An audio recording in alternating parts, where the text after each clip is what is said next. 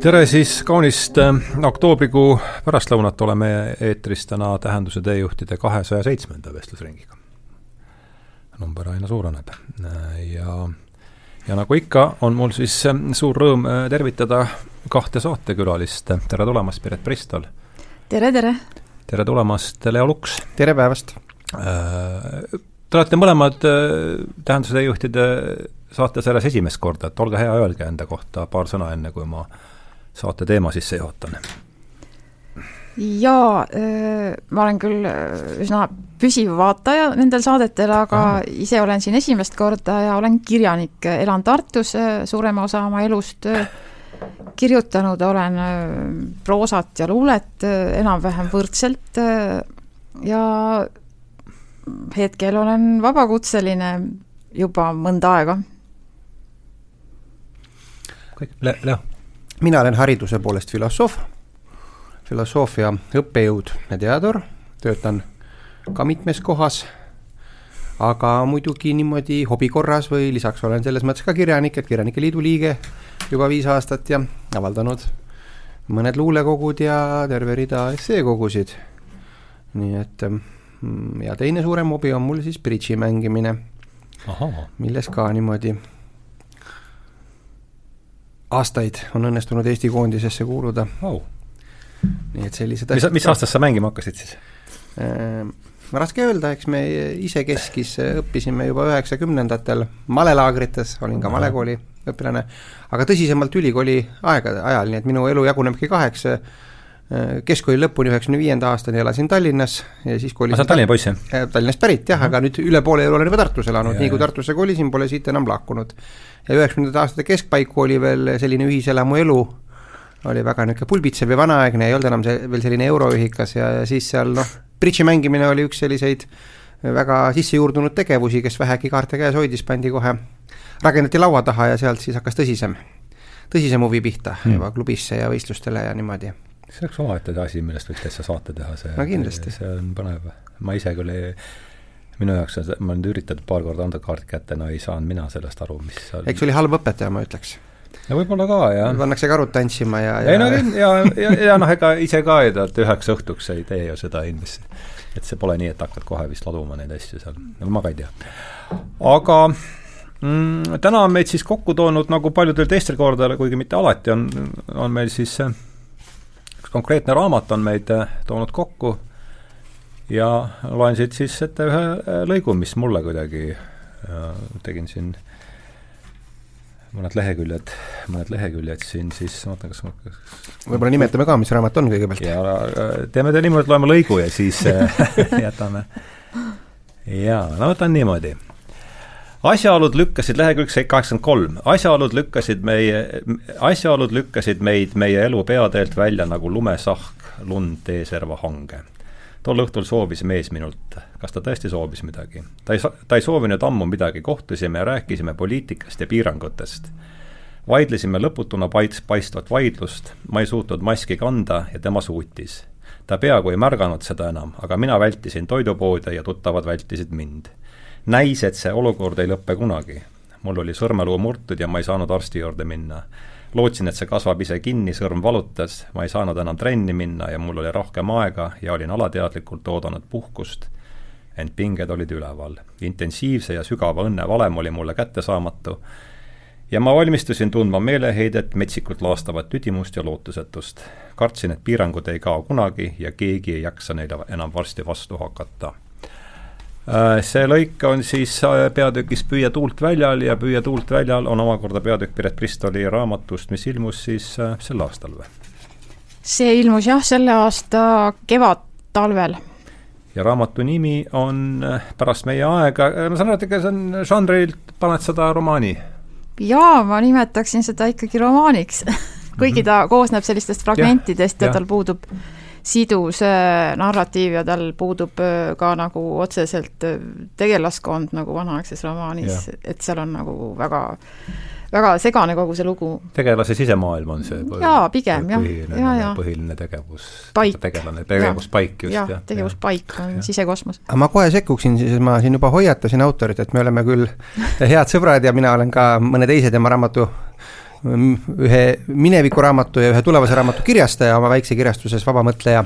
aga sa ei kirjuta kõigile lausutele alla, mis aga, aga ma võtan siinkohal sellise kirjanduskriitiku rolli. ja, ja, ja esimene asi, mis mind kahtlema paneb, et see on üks tänapäeva trende, et igasugu kildusid robitsetakse kokku ja kõike nimetatakse romaaniks mm. -hmm.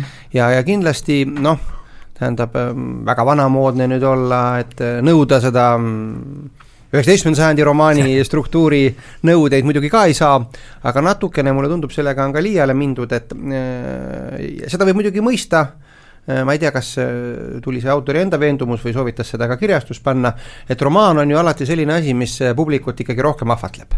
ja, ja et noh, et ikkagi romaan on tõsisem asi, et kui on jutukogu, et siis noh, ähm, eks ole, et siis võib selle nagu kergemini kõrvale jätta, noh ma näiteks praegu mul on võrdluseks just loen ühte tõeliselt suurepärast äh, teost, õigemini ta on läbi loetud, aga plaanin kirjutama hakata, olen lubadusega seotud, ähm, Ivanovi äh, Andrei või? Andrei Ivanovi Hämariku melanhoolia. ja see on ka niisugune nagu punt novelle, täiesti säravaid novelle, aga ka nimetatud, et romaannovellides. et noh, et muidugi, kuna seal Ivanovil on teate ju selline stiil, et minakeskne stiil, et mõtiskleb ja uitab ja noh, natukene nagu sina, aga natukene ka teistmoodi. soovitan sul seda Piret lugeda, seal on koroona teema tuleb ka sisse lõpupoole. kas see on äh, praegu, on ta, ta ei ole veel äh, raamatuliit? on ikka, vana, varakult, Hämariku melanhoolia. ma täitsa sa... raamatupoe sellest nägin ja siis ahah, ma mõtlesin, et sa oled sellega kuidagi seotud. ei, ei, täitsa niimoodi et täiesti hea ja seal on millal ilmus nüüd mm, no, hiljuti? kuu aja eest või Aha. nii. ja, ja ma ütleksin, et äh, mis on nagu see, ja mida ka võib-olla Piretile soovitada, mida võiks vältida, et Ivanov on ka selline autor, kes on pikki aastaid hästi ühtemoodi kirjutanud et niisugune üks stiil või üks niisugune ratas läheb, et kuidas noh, temal oli teate see, et kuidas ta käib seal pagulaslaagris ja kõik, mis seal harneb ja esialgu lugeda nagu põnev natuke teistmoodi, aga, aga pikapeale tüütab ära. aga nüüd seal Hämariku melanhoolias need kihid enam on noh, nagu maha jäetud või mõned üksikud vihjed, et on juba nagu tänapäev ja kirjaniku elu, ütleme kuskil Euroopas, Brüsselis on üks pikk novell ja et, et äh, ei tohi nagu kui mõelda nagu lugejatele või kriitikutele, siis väga nagu ühte malli kinnijäämine varem või hiljem tüütab äh, lugejad ära. kuigi see endale võib olla nagu teraapilises mõttes hästi tähtis ühtesid ja sama asju nagu avada uuesti, avada uuesti, eks ole, lahti kiskuda, aga, aga uusi nurkasid leida mm,, siis võib midagi veel vahvamat saada.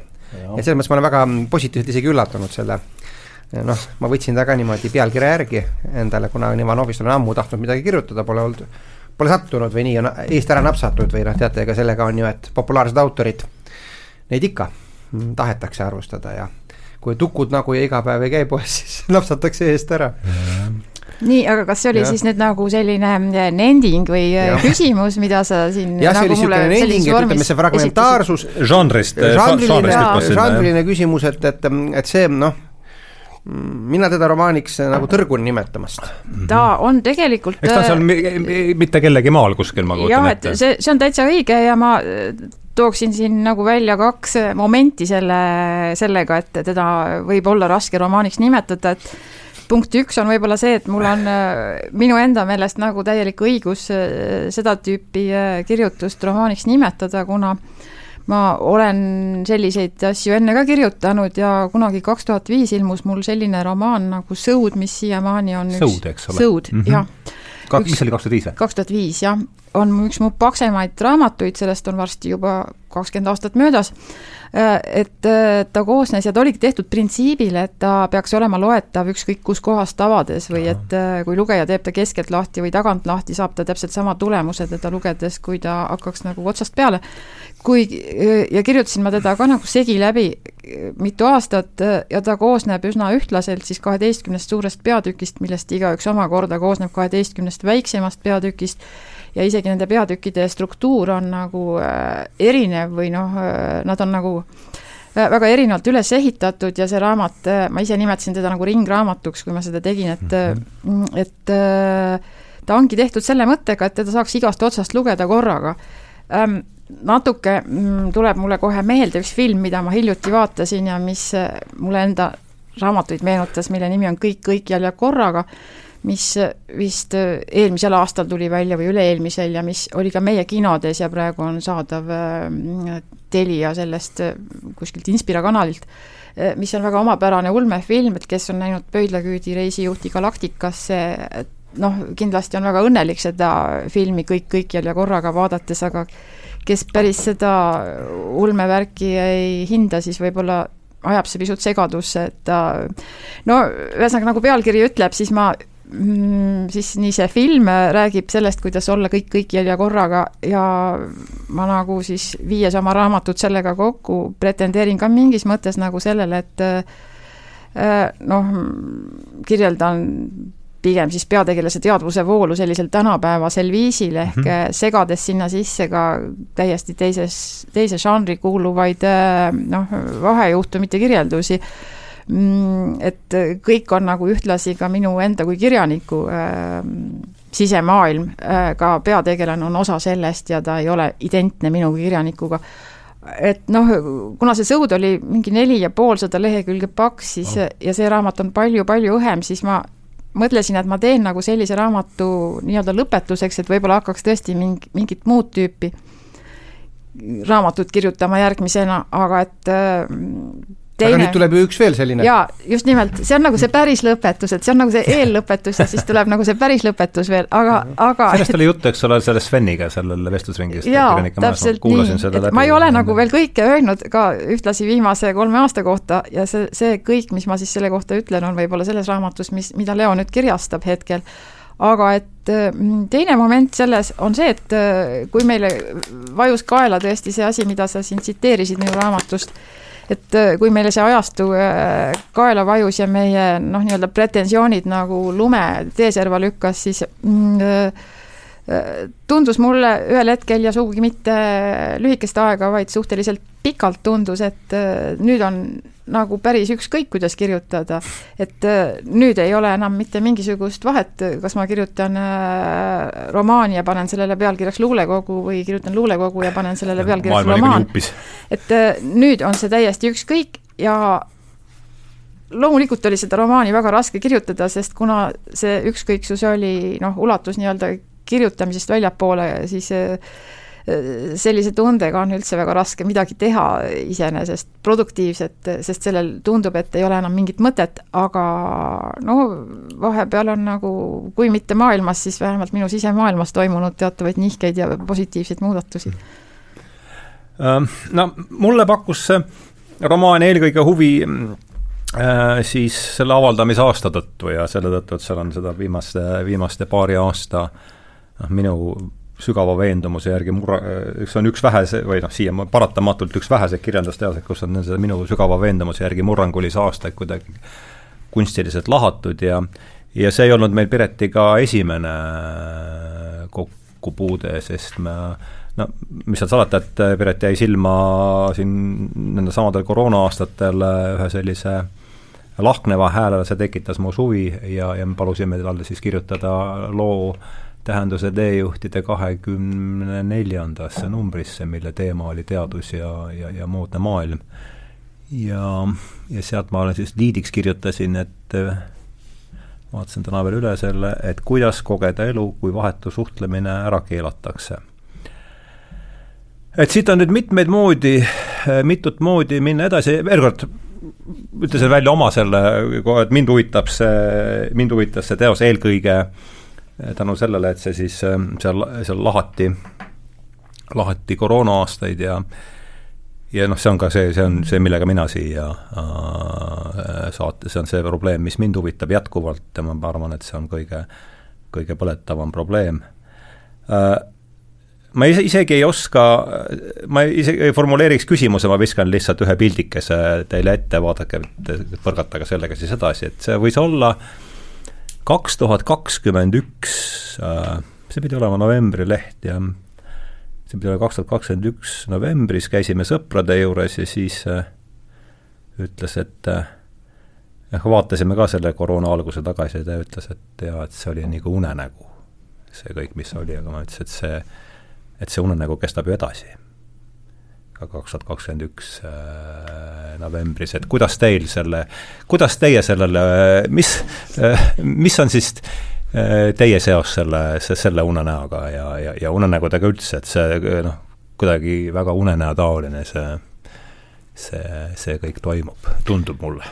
Noh, kuna Pireti visiooni me, eks ole, saame või ka kuulajad saavad kindlasti süvitsi tundma õppida, kui nad seda teost loevad, mida me arutleme, kuigi seal öeldakse, et eks ole, ei ole ju autor eraisikuna rääkimas, aga kindlasti see hääl, mis seal räägib, on sügavalt ka läbi tunnetatud, see ei ole nagu niimoodi konstrueeritud kuidagi suvaliselt, aga mina isiklikult ütleksin Ehm, sellest unenäost eh, alustades ja võib-olla siis tagasi tulles püüaksin diagnoosida üldse üldisemalt sellist nagu teatava kirjanduse teatavaid selliseid apokalüptilisi hääli, mis kirjanduses kostuvad, aga mitte ainult kirjanduses, vaid üldisemalt ühiskonnas ka eh, kirjandusse peegeldavad niimoodi ja, mm -hmm. ja mitte ainult Pireti puhul, vaid noh, teatud autorite ringi puhul. mina isiklikult ütleksin, et minu nagu kogemus selle unenäoga on täiesti, kuidas öeldagi, isegi võib-olla võib-olla häbi või imelik öelda, aga täiesti niisugune rahulik mm, -hmm. muhe ja, ja, ja absoluutselt isegi noh, tähendab, ma olen nagu mingis mõttes kõik selle ära unustanud praegu mm, -hmm. vahepeal taskus mingid maskid küll on eks, mis pole ära visatud, aga kui ma tagasi meenutan, siis mulle, vaat siin Piret vist kirjutab, kui ma ei mäleta, kas siin või selles uues käsikirjas, et leidub inimesi, kellele see väga sobis. ja minule antud ajahetkel äh, vägagi sobis, äh, tähendab, äh, ütleme niimoodi, ma võtsin kõike hästi rahulikult mm, -hmm. et mul ei, ei tundunud, et nüüd on appi, noh nagu siin nagu, nagu siin näiteks autori häälele tundub siin äh, reegel sama kaheksakümmend kaks, kus sinagi tsiteerisid lähedal, et maskis inimesed tunduvad erakordselt haavatavad, neid viiakse vastu hukkamisele, lõpule, neist ei sõltu enam miski. et selliseid hüperpoole ma isiklikult absoluutselt ei tundnud mm. -hmm. ma tundsin, äh, mul sattus ka nagu selline väga, äh, ka era, eraeluliselt sattus niisugune väga hea komplekt kokku see aitab alati. millest nagu kõige suurem tänu muidugi minu abikaasale, kes oli parasjagu siis meie teise lapsega kodus, teine laps oli kaks tuhat üheksateist märtsis sündinud, oli siis, eks ole, umbes aastane mm. -hmm. ta oli emapuhkusel ja siis, kui mul suurem laps jäi koolist koju, noh siis need koolitunnid ja arvutijuhtme sättimised ja siis mul abikaasa tegi kõik ära, aga mina sain hiilida Maaülikooli eh, mis maja oli lukus, tudengid ei karjunud ega käratsenud ukse taga, nagu nad mõnikord teevad, keegi ei suitsetanud mul akna taga, nagu tehakse ja ma sain oma kaardiga ise sisse minna.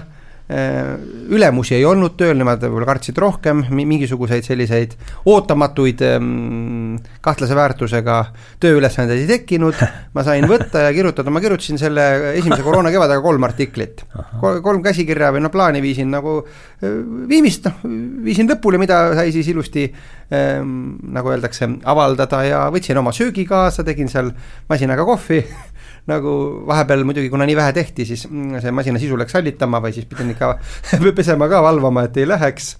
ja, ja kõik see nagu tundus selline noh, kuidas öelda, no niisugune relax nagu või et noh, et ütleme, võtsin, võtsin kuidagi niimoodi seda asja äh, suure, suure skandaalimeistri ja äh, irriteerija Linnar Priimäe stiilis nagu, kui teda ka nagu pinnitakse, kuidas tänapäeva hullustele, poliitkorrektsusele või kõigele mm -hmm. sellele äh, reageerida, ta ütles, et ei tasu liiga palju reageerida, tuleb võtta rahulikult ja lasi, lasta asi nii palju mööda, kui juhtub mm, -hmm. et kui ma nüüd tagasi mõtlen, siis ja. juhtus kõike, eks ole, sai ka maski kantud, kui see ikkagi äärmiselt nõutud oli ja kuskil avalikus ruumis, poes või niimoodi, aga juhtus ka äh, kultuuriüritusi, ma arvan, me isegi Piretiga oleme mõnel koos olnud, kus, kus pandi uksed kinni ja keeldudele vastavalt kuskil lokaalis või noh, mida me ei hakka muidugi ütlema, sai pidutsetud ja eh, noh, niimoodi ja mitte sugugi sellepärast, et nüüd oleks nagu keelu, et nüüd peaks seda keeldu rikkuma, vaid kuidagi sattusime, no juhtus, et oli ka mingisugune õnnestus mööda, mööda elada sellest. nojah, et, et selles mõttes eks mingid, mingid niisugused olmetakistused kindlasti Äh, võib-olla olid, aga, aga mitte nii suured, mis oleks jätnud hinge niisugust jälge mm. -hmm. et ütleme, mm, ja siis käis ju kinni lahti kuidagi vahepeal jälle ja maskid ette, maskid maha. ja ma mõtlen, et kõik see muu elu ka, tuli suvi, siis oli jälle seda, seda elevam see rahvas linna peal oli, kui ta kokku sai mm. -hmm. muidugi jäin ka koroonasse ise ka ja sain selle, õpetajana sain selle esimese AstraZeneca solk, solkpartii, mis nagu kõik nooremad inimesed siruli viskas, olin ka päev otsa siruli, aga no mis siis ikka, noh et ütleme, ega ei hakanud ju kuskile parate-, parateadustesse kalduma, et, et noh, oli siis selline vaktsiin, võtsin ta vastu ja, ja, ja tuli see haigus ka, tuli nagu kergemalt ja, ja noh ka kahjuks küll, ütleme, ma sellest haigusest ei saanud täit mõnu, sellepärast et äh, ma olen natuke ise süüdi, et äh, jäin esimest korda koroonasse bridžiturniirilt tulles äh, ühel pühapäevasel päeval, aga laupäeval oli ka õhtul natukene seltskondlikult aega veetud, et võib siis öelda, et see koroona saabus kerge pohmaka varjus. ma ei saanud kohe aru, ma kohe isoleerunud perekonnast, muidu ma oleks saanud kümme päeva, mul on niisugune väike erakabinet Karlovas, vaat juhtus ka see, et ma muudel põhjustel tekitasin ühe erakabineti ja mu raamatukogu ei mahu töö juurde ära teadusraamatukogu ja, ja kodus oli väiksel poisil tuba vaja, et seal erakabinetis oleksin saanud kümme päeva nagu meeliskleda kergete sümptomitega, aga kuna ma ei saanud kohe aru, käisin kodust ka läbi, nakatasin kogu perekonna ka, siis kolme päeva pärast nagu tuli kõigil teistel või noh, paljudel teistelgi perekonnas sümptome, minu nagu ütleme, puhkus lõppes, et pidin koju tagasi naasma. Nii et, et oleks kohe aru saanud, et on palavik, mitte, mitte muud värinad, oleksin igaks juhuks noh, see oli veel aeg, kui ei olnud ju neid äh, iseteatavaid teste, vaid pidi käima seal järjekorras.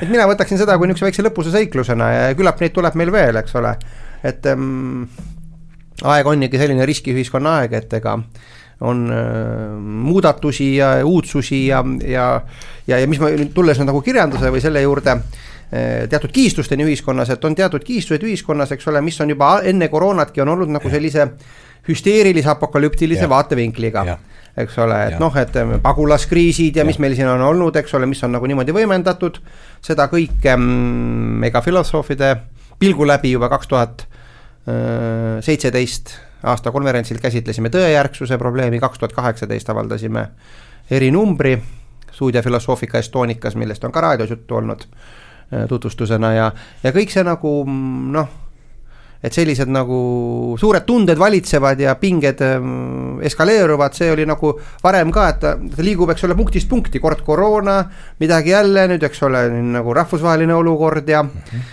aga probleemiks on, tähendab, kui see nagu mm, see mingi pinge, eks ole, et ta nagu et kui ta nagu varjutab nüüd nagu kunstivälja ka, et kui me nagu mm -hmm. ütleme nii mõnelgi autoril, kes on väga huvitavad, mitmekeelsed, külgsed ja eksperimentaalsed olnud, muutub see mm, looming ka niisuguseks kinnismõtteliseks. Piretil siin õnneks selles romaanis on veel sellist nagu paljukihilisust, on minevikuvaateid ja mm, noh, üheksakümnendate ülemineku aja niisugust paralleele ja, ja sellist hõllandusi, hõllandusi ja suhteelu, et on niisugune polüfoonilisus, aga mm, -hmm. aga see on ohuks, kui kunst muutub väga niisuguseks kinnismõtteliseks ja väga elu poolt, ähm, kuidas öelda, orkestreerituks mm. -hmm. siis ta muutub esteetilises mõttes igavaks. aga anna, anname Piretile ka vahepeal sõna, et ma saan aru, et sinu tunded mitte kõiges ei, ei kattu Leo omadega ja ma aim-, võib-olla aiman ka, miks, miks see miks see nii võib olla? samas, no jaa, mul samas laps oli selleks ajaks juba suur ja õppis Tallinna Ülikoolis, kui kõik see asi lahti läks ja nagu ei olnud üldse sellist seisu, et oleksin olnud õnnelik nagu väikse lapsega kodus olles, aga et natuke teised eraelulised tingimused, võib öelda mm, -hmm. ma täiesti mõistan seda, mida Leo räägib ja see väga meeldib mulle, see tema vaatepunkt ja minu meelest ongi see nagu normaalsus ise nagu suure tähega, ilma jutumärkideta aga noh, samas võime me muidugi öelda, et kõik on normaalne, mida inimesed tunnevad ja et mm, mulle meeldib nagu mm, paljud asjad, mis reaalelus, reaalajas on nagu väga kohutavad ja koledad ja põhjustavad igasuguseid tundeid, äh, on tagasi vaadates hästi lahedad, et mulle meeldib mõelda nagu sellele äh, Mm, kahekümnenda aasta märtsile, mis oli ikka nagu äärmiselt äge, kogu see äh, märtsi äh, esimesed nädalad, mis äh, hõlmasid seda. mm, paanikat ja värki. mul oli parajasti selline aeg, kus ma töötasin Postimehes keeletoimetajana reklaamiosakonnas ja reklaamiosakonna keeletoimetaja töö oli siis visata pilk peale igasugusele sisuturundusele ja reklaamidele ja ka surmakuulutustele E-, ehk äh, nagu see, mis artiklites kirjutati, mind absoluutselt ei puudutanud ja ülejäänud lehte ma enamasti ei lugenudki, et äh, ma lugesin seda, mida ma pidin lugema. ja ühtlasi kirjutasin ma Tartu Postimehele ühte väikest kolumni, äh, mille rubriik oli Siin ja sealpool Emajõge mm. -hmm ma olin jõudnud juba kolmanda peatükini selles, ehk jaanuaris hakkasin kirjutama, veebruaris tegin teise peatüki ja siis tuli märts oma igasuguste vapustavate sündmustega.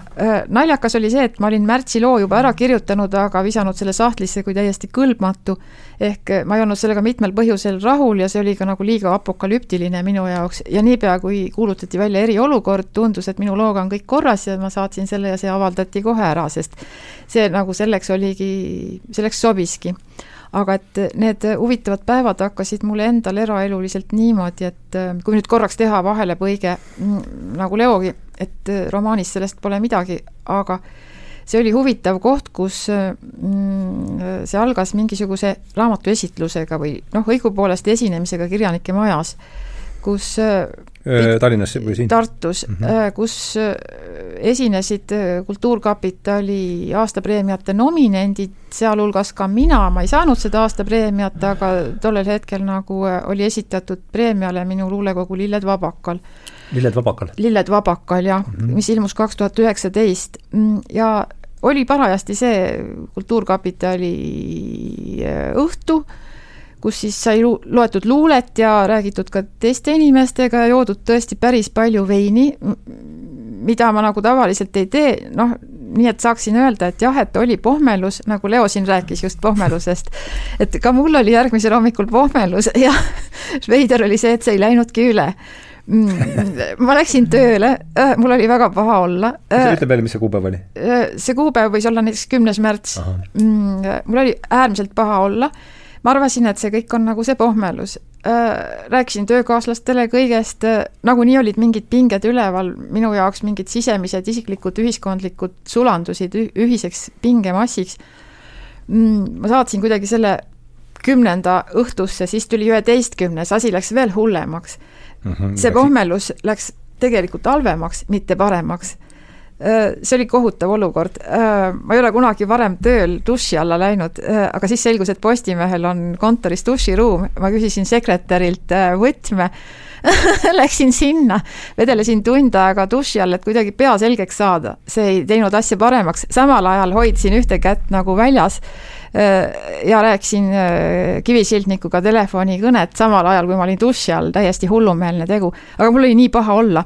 rääkisin Svenile oma apokalüptilistest kahtlustest ja kõhklustest, mitte midagi polnud meil veel toimunud Mm, ja isegi läks nagu natuke paremaks, läksin koju ja ka kolmas hommik tervitas mind samasuguse pohmelusega mm, -hmm. mitte midagi polnud muutunud, aga mul oli äärmiselt paha olla ja siis, siis selgus, et äh, ma läksin siiski trenni tollel õhtul ja, ja siis selgus, et meile hakkab vaikselt-vaikselt jõudma mingisugune eriolukord mm, -hmm. järgmisel hommikul helistas kolmteist oli era, era, eriolukord vist, eks? oli vist jah, see oligi kolmeteistkümnenda hommikul, ülemus mulle koju helistas ja ütles, Piret, sa ei pea tööle tulema. ma ütlesin, et väga tore, et ma olin juba and-, andmas sulle lahkumisavaldust, sest mul oli nii hull äh, tööl käia, et ma ei tea, mis meil siin toimus, aga aga et äh, jään suurima heameelega koju ja ja kõik see, mille, mida ma kirjeldasin, ehk see kohutavalt halb enesetunne, oli nagu peoga pühitud, mul oli tõeliselt hea meel. Mm, ja tollel õhtul toimus meil veel trenn, viimane trenn pikaks ajaks. Mm, ma läksin trenni ja kui me sealt tagasi tulime ühe tüdrukuga, siis tee peal olid rahva, rahvahulgad, võiks öelda küll, pimedas Tartus oli tänavatel erakordselt palju inimesi, meile tuli vastu mingi vanatädi, kes oli täiesti purjus. no mingi kaheksakümneaastane vanatädi. see oli siis päev enne eriolu-, eriolukorda või? Mm, see oli vist sama õhtu juba. ja ja ta oli poest ostnud viina ja ta jõi seda sealsamas tänaval pimedas äh, märtsiõhtus ja me läksime poodi, et osta ka igasuguseid produkte ja millised sabad meid tervitasid. ma tahtsin osta lihtsalt mingit paki võid ja vorsti. ja see, kellega ma trennist tulin, midagi samasugust ja me seisime ära mingisuguses po-, poolesaja inimeselise saba, et seda kätte saada ja küll see oli lõbus, sest kõik inimesed ostsid ju tualettpaberit ja no kõike seda, mida te isegi ja. mäletate. kui, kui tohib korraks nüüd ja, ja. sekundeerida lõbusate juhtumitega, siis me, meil oli, meil oli ka nagu ähm, tualettpaberi puudus parasjagu ja mu abikaasa käis siis kolm-neli poodi läbi järgmisel päeval ja kuskilt ähm, mingi hästi kalli deluxe versiooni nagu selle kaheksa paki ikkagi kuskilt poest veel ära tõi, et me päris ei peaks ajalehe peale tagasi minema. aga kui ma nüüd meenutan äh, tualettpaber nagu jutuks tuli ja kaubahullus, siis mul on üks isiklik väga suur kasu, mida ma koroonakriisist äh, lõikasin, õigemini sellega kaasnenud tualettpaberi hullusest.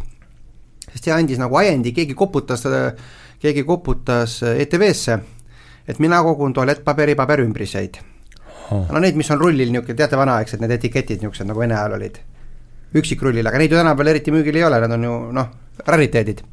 ja et ma kogun neid, eh, seda, see oli muidugi noh, siseringis juba teada, aga kuna oli selline vetsupaberi hullus, siis tekkis nagu AK-l selline mm, naljakas mm, mõte või eh, nagu temaatiline võimalus mind intervjueerida. ja see on praegu, praeguseni eh, veebist leitav, see kaheminutiline klipp. siis AK käis minu kogu üles võtmas ja mind intervjueerimas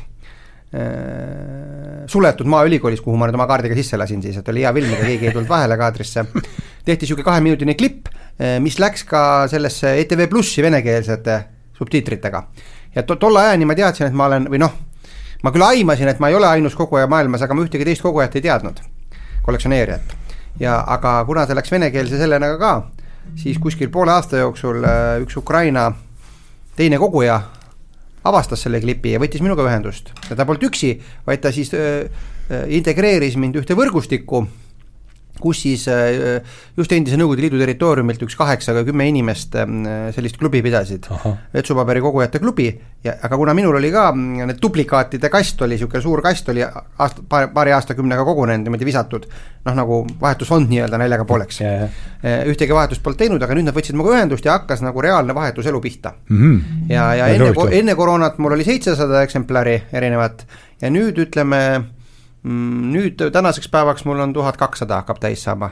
nii et ma sain nagu paari aastaga peaaegu sama palju kui kogu kahekümne aastaga ise niimoodi kogudes. vahetuste kaudu saaks veelgi, aga noh, vahetusfond kuivas kokku selle kõige käigus nii et ütleme, selline kaudne kasu ka nagu juhtus, eks ole, üks asi viis teiseni mm -hmm. nagu see on hästi paradoksaalne muidugi, et tegelikult nagu äh, täiesti vastupidine tulemus sellele, mis nagu, mida võis nagu sellelt ajastult oodata või noh, et. aga see näitabki ju, eks ole, et ähm, kõik, ju need Zoom'id ja kujutame ette, kui see, kui see olukord oleks juhtunud äh, kaheksakümnendate lõpul et me siis poleks saanud seda juhtudagi, ma arvan. sest seal eeldab infotelefonide, mobiiltelefonide olemasolu, see, no, see haigus. AK-st oleks, aa noh, AK-st oleks võinud ju ka öelda ja kõik kinni panna, aga nüüd ju tegelikult, eks ole, oli väike peataolek sai nautida, et noh, koosolekuid ka eriti ei peetud, kuna polnud ju mikrofone ja kaameraid meil ülikoolis oli ka kokku hoitud inventari pealt ja polnud saada kohe. aga siis natuke raputati sulgi ja hangiti need tehnikad, hakkasid e-koosolekud ja asjad ja, ja, ja mm, nii mitugi semestrit e-õpet sai peetud, mis noh, oli muidugi kehvem ikkagi võib öelda niimoodi kaasamise ja kõige huvides, aga no teisest küljest siis mingid, mingid failid on säilinud, kui midagi juhtub, on nagu niisugused um, loengud videos, mida pole kunagi viitsinud eraldi teha. et võtaks videosse tagavaraks mm -hmm. ka materjali kogunes mm. -hmm. minu jaoks võib-olla kõige masendavam oli äh, selle kõige juures ikkagi see, et inimesed usuvad seda kõike, et äh, kuna noh, mul ikkagi nagu pika elu jooksul on kogunenud äh, selline vaade asjadele, mis ei pane mind kergelt kõike uskuma, siis äh, noh, ütleme, et need nauditavad ja koomilised aspektid, loomulikult need jäävad meiega kindlasti elu lõpuni, äh, nagu tualettpaber ja kogu muu värk, mida siin kirjeldatud, aga et kõik see, mis seostub inimeste käitumisega selles olukorras, jääb minuga ka mingis mõttes elu lõpuni. jah, see ei lähe meelest. jah, et ütleme nii, et ma sain aru, et on päris palju illusioone, mis tol hetkel purunesid. et noh, eks isegi võib-olla esimestel nädalatel äh, sai käsi pestud äh, iga kord, kui all käisin nagu postkastist lehte võtmas, aga no jaa, et ma olen seda teinud vähemalt kuu aega. seda ma tunnistan, aga ega rohkemat ma ka ei tunnista. Äh, no üks sõna, mis on siit nüüd, me oleme siin vaikselt ennast soojaks rääkimas ja üks sõna, millest ma tahaks kinni hakata, mis on siit õige mitu korda käinud läbi, on apokalüpsis ja apokalüptiline ja, ja vaataks seda siis sõna laiemalt ja, ja, ja, ja nüüd, et me raamatus ka säilitaksime seose raamatuga, et apokalüptilised motiivid siis selles raamatus, ma siis ütleme, selle teema sissejuhatuseks ütlen, et et mina olen selgelt üks nendest, kes peavad koroonat apokalüptiliseks sündmuseks, mitte selles mõttes, et see oli maailma lõpp, sest noh, seda nagu sellepärast, et me oleme siin praegu äh, selles valgustatud ruumis, vaid see apokalüpsis selle sõna otseses tähenduses, et kardin läheb eest ära ja me noh, korraks nägi seda, et mis, mis seal ees võib olla ootamas ja mis mind selleni, mis mind selleni viis, oli tas see, kui see trall siin hakkas, kolmteist äh, märts, eks, et noh, ma kujutan ette, et me olime Piretiga samas kohas selles mõttes, et usk peavoolumeediasse oli selleks ajaks juba kadunud. nii et noh, seda teed mul enam ei olnud, et ma nüüd vaatan, ah, et mida rahva hääl ütleb või Aktuaalne Kaamera ütleb, et nüüd ma nii, nii teengi, et noh, see lihts-, noh, see lihtsalt ei olnud enam äh, paljudel põhjustel äh, noh, võimalik. usaldus oli kadunud, seetõttu hakkasime otsima kohe konspiratsiooniteooriat ja esimene konspiratsiooniteooria, mis mulle selgitas asja, oli see Charles Eisensteini intervjuu David Fulleriga, mille ma avastasin aprilli alguses, kus ta ütles, et üheski meie vastuses koroonaviirusele ei ole midagi uut, need kõik meetmed äh, kujutavad endast varasemate trendide võimendatud äh, vorme. et see on see, kuidas, kuidas mina seda apokalüpsist enda jaoks selgitan, aga nüüd on, me oleme siin kolm, kolm erinevat inimest, meil on äh, kolm erinevat vaatenurka ja selleks me siia kokku oleme tulnud, et neid üksteisele ja kuulajatele siis tutvustada, et kuidas et apokalüpsis Pireti raamat ja viimase aasta, kolme aasta siis äh, sündmused, äh, et ma tegin oma väikse siis otsa lahti siin. nojah, siin raamatus paar kohta sai juba loetud ette, mis olid äh, seda niimoodi eriti markeerivad.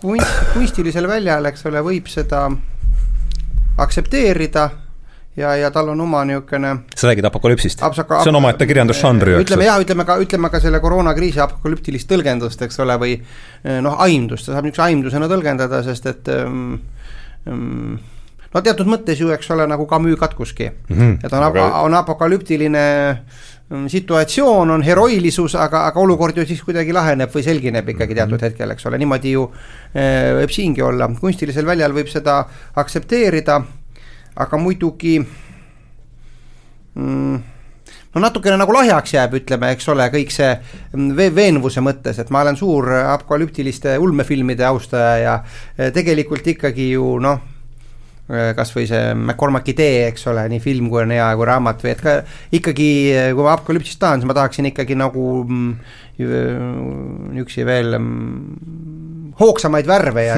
teravamaid niisugusi, teravamaid niisugusi äh, fabuleeringuid ja asju. Pireti raamatus jäävad majad püsti ju. jah, et, et selles mõttes, et ta on ikkagi ju selline siseilma, siseilma vaade selleks apokalüpti, apokalüptilisus, eks, ja, ja, ja selles mõttes muidugi ka mina vandenõuteooriaid ei uuri ega niisuguseid asju, aga selles mõttes ju loomulikult kultuurisemiotikat ja kõike, kõike sellist tundes kas või kultuuriajalugu, loomulikult on teatud ähm, noh, mingisugused ühiskondlikud reageerimismehhanismid, kuidas ühe või teistsugusele ohule reageeritakse mm. -hmm.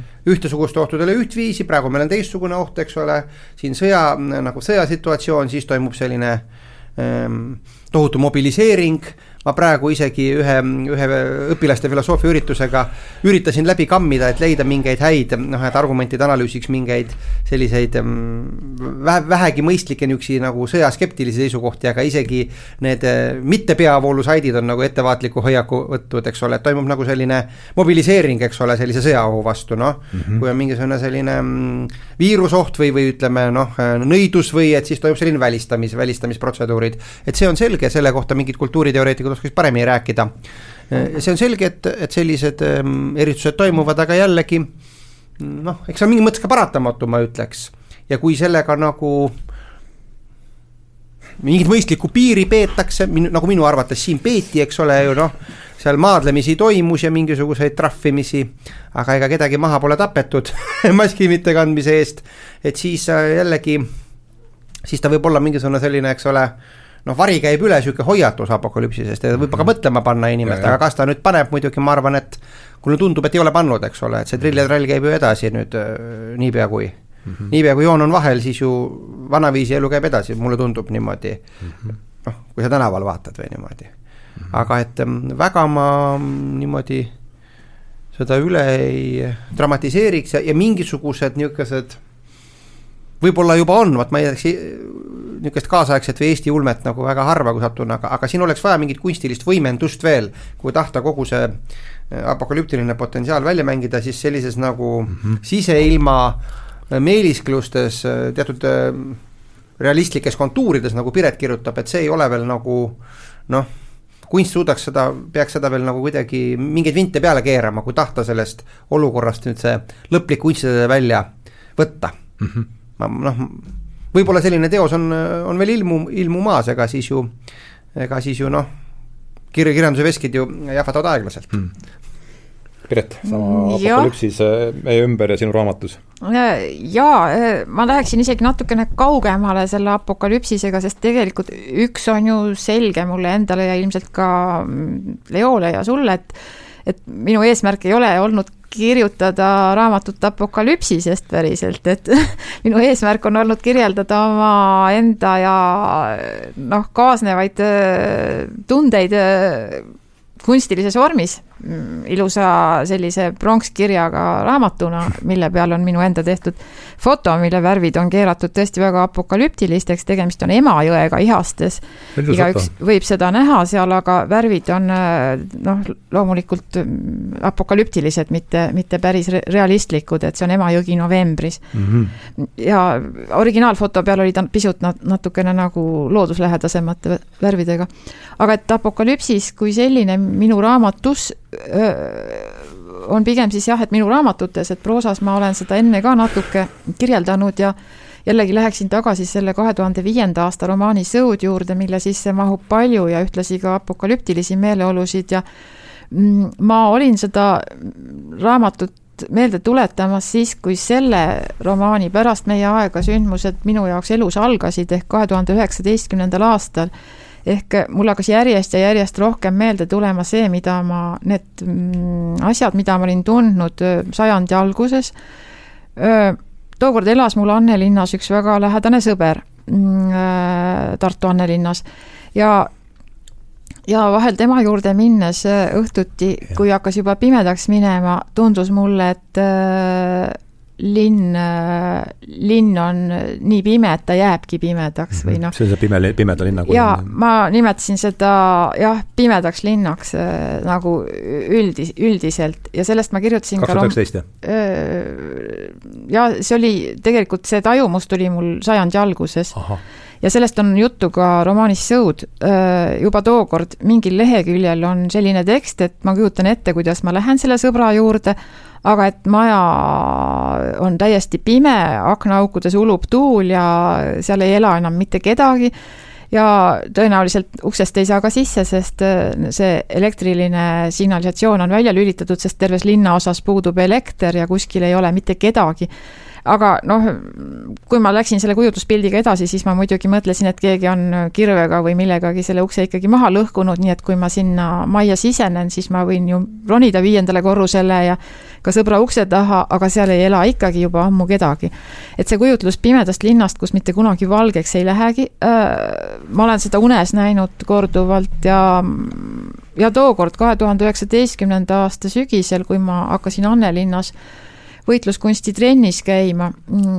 meie, meie trennikoht asus Annelinnas jah, siis tuli mulle jälle see Pimeda linna värk meelde ja ma mõtlesin, et nüüd on ta käes või kohe tuleb, et mul oli nagu väga tugev kujutluspilt sellest ja kuna ma käisin neli korda nädalas trennis, ma olin hästi korralik alguses, mida ma enam ammu ei ole ja kui kakski korda nädalas jõuan, aga, aga et käisin neli korda nädalas õhtul pärast tööd trennis, kuskil seitsme paiku läksin sinna, siis alati läks siis just pimedaks ja, ja ma mõtlesin, et see on see, et see on absoluutselt kindlasti see, seesama pime linn on varsti-varsti kohal, et ta veel mhm. võib-olla sel talvel ei tule, aga ma näen selle ära oma eluajal.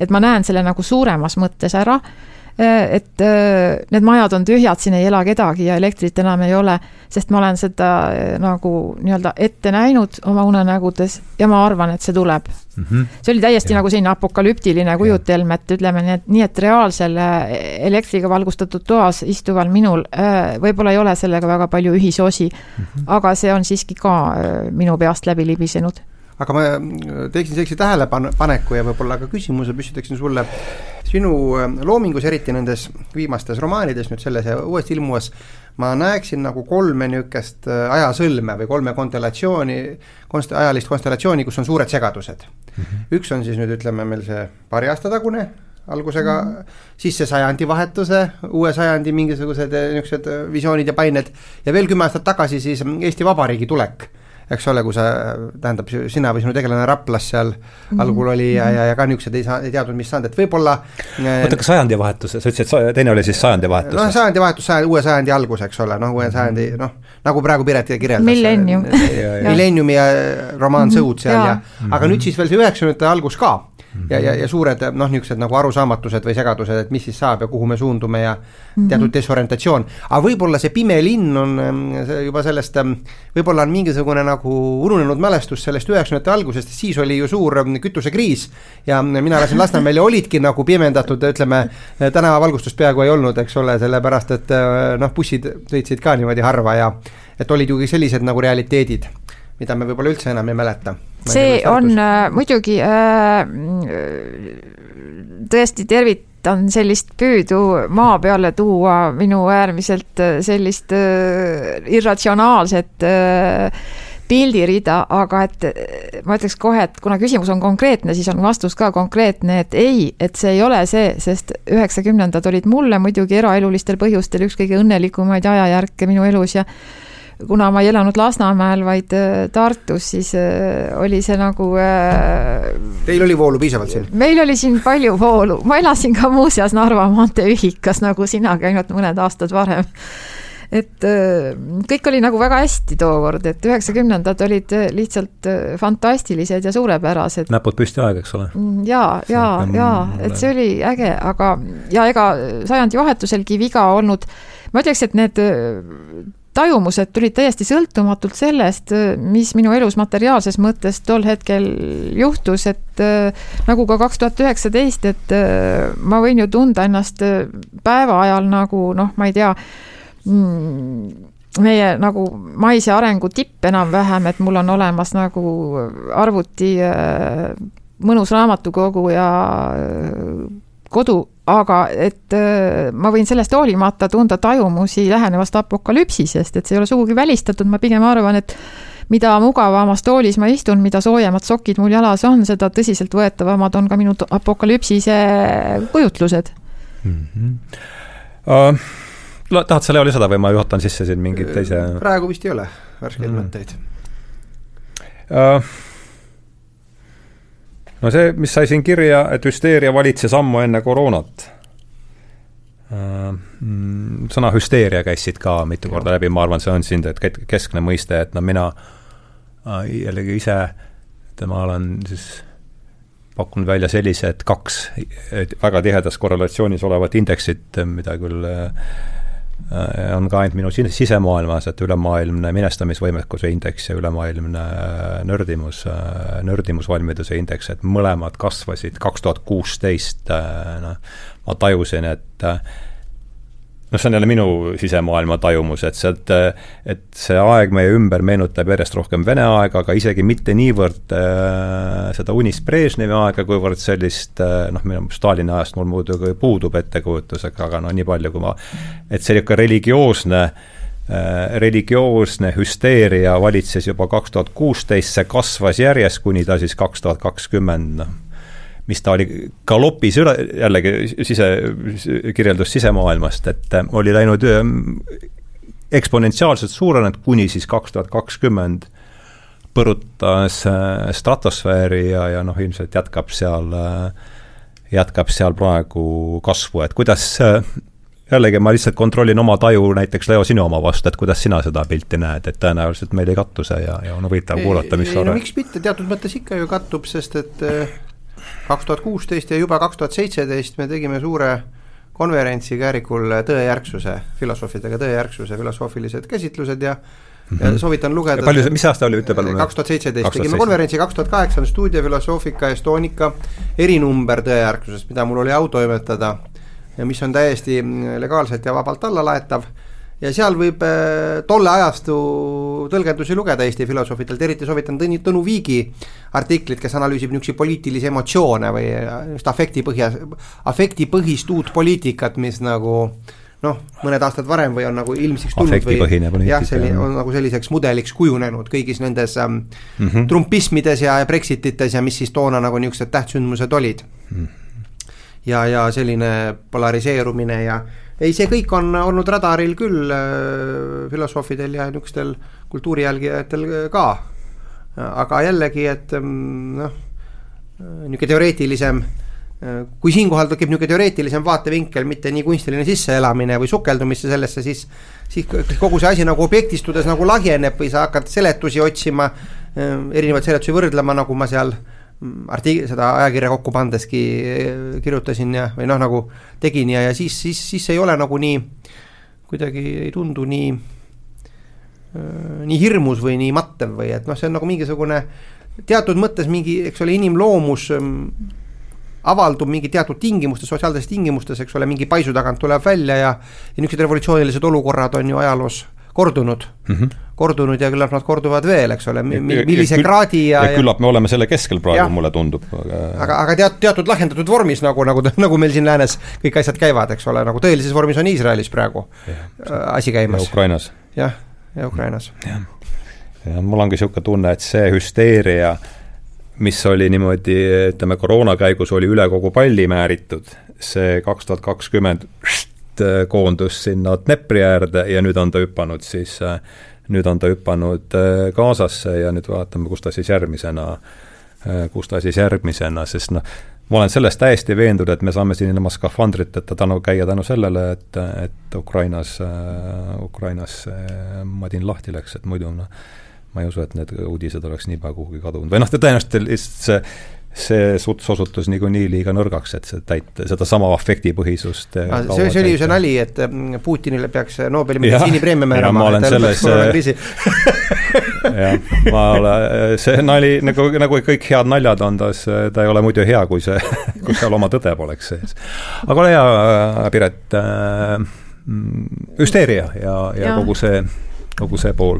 no ütleme nii, et minu jaoks see varasem, varasem muutumine ei olnud nii tugev, kuna ma olin palgatööl kahe tuhande neljateistkümnenda aastani, siis oli mul neli aastat elu vabakutselisena ehk just see vaadeldav periood ehk kaks tuhat viisteist kuni kaks tuhat kaheksateist mm, olin ma vabakutseline kirjanik ja tegelesin vaimsete praktikatega, mis mind tookord väga huvitama hakkasid ja mm, ja sinna viisid mind pigem nagu sellised isiklikud pinged, kuigi jah, tõsi oli, et kui ma kaks tuhat neliteist töölt ära tulin äh,, ma olin Tartu osakonna, Kirjanike Liidu Tartu osakonna esimees kolm aastat ja valimistel jäin äh, kaks tuhat neliteist paari häälega alla Berk Vaherile, kes siis jätkas ja ja mina sain uuesti kirjanik olla. Mm, ja ja on tõsi, et viimase oma ametiaasta kirjanduse majas äh, tundsin ma juba, et ma tegelikult väga ei taha seal töötada, et ma ei olnud väga motiveeritud, kuna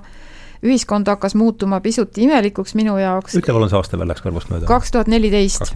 et kaks tuhat neliteist hakkas minu jaoks nagu ühiskondlik kliima muutuma pisut sääraseks, kus ma ei tahtnud enam kaasa rääkida ja sellel ametikohal ma justkui -hmm. oleksin pidanud eh, noh, kas või käima koosolekutel, eh, esindama mingisugust teist vaatepunkti peale isiklikku ja jumal, paraku ma ei saanud sellega eriti hästi hakkama, ehk kõigile, kes kutsusid mind koosolekutele, näitasin ma keskmist sõrme ja, ja noh tagasiside ei andnud ka nagu kaua oodata sellele, et ühesõnaga jäin koju ja hakkasin sellest õige pea päris suurt heameelt tundma ja, ja kirjutasin raamatuid ja ühel hetkel siiski äh, hakkasin jah, vaatama kõikvõimalike vaimsete praktikate poole, nii äh, omamaiste kui äh, teistsuguste no ütleme nii, et äh, käisin nii Eesti pühapaikasid uurimas Ahto Kaasiku loengutes kui ka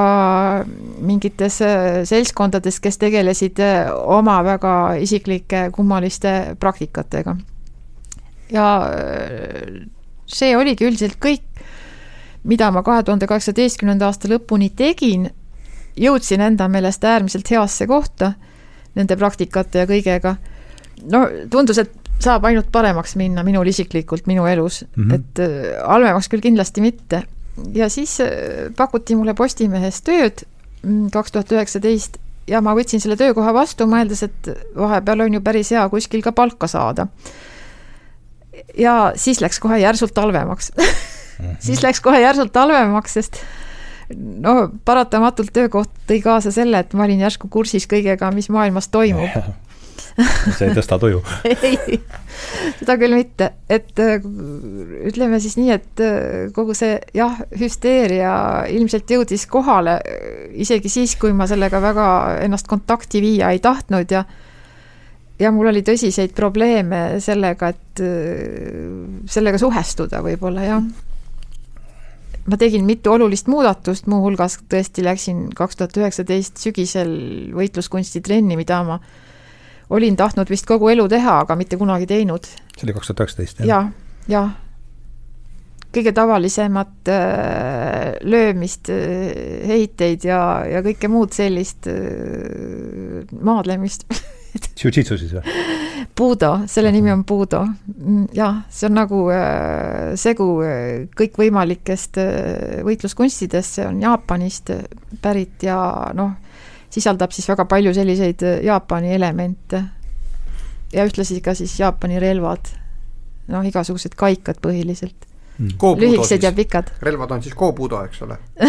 Kobudo tahad sa Äh, oleme ikka praegu, see ring on hüsteeria, et ka tahad sa midagi lisada või ma lähen äh, ma, ma tahaks mõtelda, et miks ma ei ole hüsteeriliseks muutunud. sa vist, ma arvan, et üks põhjus on see, et ilmselt suure viisiku mudelis on, sa oled sa suhteliselt madala neurootilisusega, ma kujutan ette. võib-olla siis tõesti, jah. vähemasti paistab pilt selline mulle. et tegelikult ju noh, kuidas öelda äh,, eks ju, kui niimoodi nüüd võtta niimoodi hästi üldisel tasemel, siis elu on ju, meie tänapäevane elu on ju vägagi niisugune väga palju määramatust, kuna komplekssuse aste on ju väga kõrge mm. -hmm. meie ütleme siin ühiskonna tasemel ja, ja sotsiaalsed pinged, lõhed, mida sotsioloogid, eks ole, kaardistavad, e, kõiksugu transformatsioonid mm, -hmm. ilmajäetused, eks ole, kõik see niimoodi nagu on kõrge, et, et iga nurga tagant võib ju meid ähvardada mingi oht, eks ole ja, ja kui hakata nüüd niimoodi sisse elama, seda ohtu nagu juba ette tundma, aga siis võibki elu nagu elamata jääda, siis ongi tänapäeval on ärevused, terviseärevused, eks ole mm, -hmm. mis mulle haigus võib tulla või et mis noh, sõda või mis võib tulla, ma olen kuulnud, et näiteks kuulsin, et päris niisugused noh tuttavadki tuttavad, tuttavad umbes, et juba nagu vaatasid pileteid, et kui Ukraina sõda algas, et juba, et homme on meil ka ja et hakkavad juba ära kolima või et noh, et et ähm, sellised ärevused on, aga mina olen kuidagi nagu sellise hoiaku võtnud või rakendanud, et kui, kui neid ärevusi kogu aeg praegu hakata tundma, noh, siin öko näiteks Mihkel Kunnus kindlasti palju hatkend esindab sellist ökoärevust, eks ole, et noh, et apokalüpsis tuleb sealt otsast niimoodi kindlasti ja noh, ju teatud mm, kuidas me ütleme, niisugused ju tõsised mm, teaduslikud või mm, prognostilised alused on seal ju ka. aga kui ma nüüd praegu punkrit juba kaevaks, eks ole, relva niisugust tähendab, vot, vot relvaluba isegi olen mõtisklenud teha, aga mul abikaasa on väga vastu, et kodus relv oleks lapsed ja nii ja mulle tegelikult, ma olen paar korda tiirus käinud, mul on kursavend Äh, oli relvafirma omanik, enne kui tal. Väiksed jamad tulid sellega, aga aga et äh, päris täpselt lasen tegelikult mõned korrad, mis on ja päris tore nagu spordi mõttes. aga seda pole ka teinud, et kui ma nüüd äh, teatud mõttes mõtleme, et see elu on niisugune küllaltki lühikene ja, ja ei tea ju, mis siis pärast saab, eks ole, seda millegi peale panustama hakata oleks niisugune esoteeriline niisugune hulljulgus, eks ole, et, et kui me nüüd nagu kõik need riskid ja mured ja endasse võtame, siis me olemegi nagu noh see võib, hea kunst võib sealt küll tulla, aga võib-olla ma ei olegi, miks ma nagu väga hea kirjanik ei ole või harva kirjutan või et ma nagu kogu seda, noh, seda sensitiivsus ei ole nii kõrgel tasemel, et kogu seda mm -hmm. hüsteeriat, ühte ohtu, teist ohtu, sõda, koroona, appi, appi, maski peab kandma, et kõike seda nii läbi elada, et siis tegelikult olekski nagu väga paha ju elada, mulle tundub. et kui, mm, sest niikuinii mingisugused jamad ju kogu aeg tiirlevad siin ja seal. ja, ja, ja, ja ei tea ju, kust noh, kust nurga tagant see hoop tuleb, et kui nüüd kaevata punkrit, et siis ju noh, ei saa nautida sedagi kohvi, kui kohvikud lahti on. Mis parasjagu on võimalik osta ma olen kuidagi niimoodi. see silma olen sinuga täiesti jah, ühel, ühel, ühel lehel. absoluutselt mitte, et ma oleks nüüd mingi koolkondlik, et ütleme, stoik või et ma oleks mingisuguse siukse võtnud äh, no mingisuguse kindla paradigma. elu toimub ikka olevikus. jah, et kuidagi nagu, aga see on kuidagi niimoodi välja kujunenud jah, selline mingisugune eluterve väike ükskõiksus või niisugune nagu mm -hmm. noh, et ähm, et tegeleme probleemidega siis, kui nad on akuutsed, ma ütleks niimoodi. muidugi võib-olla vale, mul ei ole, ega mul ei ole näiteks äh, maakohta kuhu evakueeruda mingi jama korral, et on siin linnakorter ja väike, väike maitsetaimede kast on, abiga-, abikaasa tütrega tegid seda. Aga sellest ikka ära ei ela mul on üks tuttav luuletaja, kes siis, kui äh, eriolukord välja kuulutati, helistas mulle ja ütles, et et tal on juba, ma ei tea, viiskümmend purki seda suppi koju varutud ja mingeid konserve ja värke ja siis ta küsis, et mida mina varun. Ja siis ma ütlesin talle, et tähtis pole mitte ise valmistuda, vaid teada neid, kes valmistuvad, et kui nagu jamaks läheb, siis ma tulen sinu juurde ja aitan sul neid ära süüa. aga see ongi üks aspekt, mida tegelikult võiks veel öelda, et see sotsiaalne ärevus on nagu selline teatud foon, ta on natuke kõrgem, natuke madalam, ta on niisugune foon, ta kanaliseerub, tõuseb esile mingite teemadega ja, ja tegelikult ähm, noh, ja seal ma, ma, ma ei ole mingi nii skeptik, et, et kõik on nagu kuidagi välja mõeldud või seal taga on ju mingisugust ikkagi päriski mm, tõsist alust ka. aga nüüd on nagu, probleem on minu arvates ka selles, et iga kord, kui ta nagu kanaliseerub, siis tegelikult ju noh, ta muutub ka nagu äriliseks ja, küsimuseks. on ju, keegi müüb siis minugi, ma mäletan, mul abikaasagi ostis mingit desovahendit päris kalli hinnaga, siis kui oli see maski business. möll ja noh, maskid olid ka kallid esialgu ja või siis ütleme nüüd sõjaga seoses, eks ole, seda mingi tactical food back'e müüakse kalli rahaga. ja kõik see kahvatab muidugi ja. vaktsiinide äri. noh, vaktsiiniäri on... halvaks, natuke küttega külmkambrid olid, eks ole, meil ka Eestis ja Eestis vahel nad võtavad siukse klounaadliku võtme või siis siis ütleme noh, kõik, kõik ütleme kõik, mis puudutab nüüd rohepööret, milleks Mihkel Kunnus muidugi on täpsem. ega see on ju sama mudel, ma ju näen ka, ütleme Maaülikoolis kuulen poole kõrvaga, et see on ju, see kõik tekitab ju suured ärivõimalused teatud kildkonnale, aga aga, aga mass ja see vae-, ütleme, see vaesem mass maksab ju arved. automaksu ju maksab see vaene maainimene samamoodi Just. teie rauaga. tema maksab arved, kes nagu ei, ei Just. pöörita seda äriratast. nii et tegelikult siin on mm, noh olla nüüd, kas olla sotsialist või, või olla nagu liberaal, et see isegi pole tähtis, aga kui nüüd mm, kõik need niisugused turbulentsid tekitavad kiireid muutusi, tekitavad kildkonnale ärivõimalusi ja, ja massile nagu täiendavaid kulusid ja mm, asju, et tegelikult see ebavõrdsuse koefitsient kindlasti kasvab kõige selle käigus. See, veel, veel hüppeliselt, sellel omakorda on äh, jälle ärevust ja hüsteeriat võimendavad. siin ma, siin me oleme täiesti ühel leheküljel, sest ma arvan, et see, ütleme, kui tõmmata nüüd ette, kus see esimene peat-, noh, see kõik, kõigil on omad põhjused ja lõpuks läheme Eedeni ajada välja, kui meil aega on, eks, aga aga kaks tuhat kaheksa, ma arvan, oli see, kus see võlakaardil rebenes, kust oli see tohutu tohutu, tohutu kuristik, eelkõige Ameerikas, ütleme pealinnas. Ja pärast seda ütleme noh, kõik koroona ja nüüd see kliimajant, see veel ilmselt noh, ainult süvendab seda. Ja, ja noh, saab näha, kuhu see, kuhu see asi siin läheb, aga äh, jäi see, jäi kõrva see äh, kaks asja siin, äh, tõejärgne ajastu ja, ja siis äh, hüsteeria on seal taustal ikkagi olemas, apokalüpsis, ütleme märksõnad siiani olnud, eks, mhm. apokalüpsis hüsteeria, tõejärgsus ja konspiratsiooniteooriad, et et kui ma ütlesin siin, et, et kaks tuhat kakskümmend, ma ja ma arvan, et siin oleme me Piretiga pigem, et et selleks ajaks oli minu usaldus selle peavoolu, et noh, et ikkagi ja, ja pärast seda on see veel, et, et niipea, kui see propagandaveski nüüd kuhugi ühte suunda ennast äh, keerab, et see on siis selge, et seal on noh äh,, äh, et see jutt lihtsalt ei klapi ja, ja, ja kui ma räägin nüüd tõeväär- või sellest tõejärgsusest ja konspiratsiooniteooriat, et kas siis mitte see see laiem taust, milles me praegu, me oleme siin rääkinud, äh, et, et mingitest suurtest muutustest, et kas siin pole mitte see, et see, mis varem oli peavool kuuekümnendatel aastatel näiteks, äh, noh, see oleks hommikul öeldud rahvahäälest, et nüüd lähete sinna ja siin ei olekski olnud enam mingit kellelgi midagi arutada, no esiteks poleks sellist asja saanud juhtuda, sest see on, ma olen selles ka veendunud, see on, see pandeemia on ikkagi otseselt seotud infotehnoloogiaga eelkõige selle reageerimise viisid. Aga et kas siin pole mitte ja siin tahaks jällegi, võtame siis, alustame Leost, et, et mul on selline tunne, et et see, mis varem oli peavool, on nüüd muutunud üheks konspiratsiooniteooriaks äh, paljude seas et vähemasti mina, mina võtan seda niimoodi ja, ja, ja, ja ma rääkisin, et, et mina hakkasin siis kaks tuhat, ütleme märtsis kaks tuhat kakskümmend otsima kohe, otsima kohe siis noh, selgitust sellele, ma nimetasin seda konspiratsiooniteooriaks, Charles Einstein oli esimene, kes, kes pani mul selle asja perspektiivi ja ma olen temaga teinud nüüd kaks-kolm intervjuud ja tema ütles seda, ta, ta ütles seda, et ma, ma küsisin ta käest kõigepealt, kuidas sa nende ideedeni jõudsid ja ta ütles seda, et kui ta kaks tuhat seitse, ei kak-, jah, kaks tuhat seitse vist tuli tagasi Taiwanist, ma ei mäleta, millisest aastast, ta oli seitse aastat Taiwanis, tuli USA-sse tagasi ja küsis enda käest, ohoo, et kus kõik lapsed on.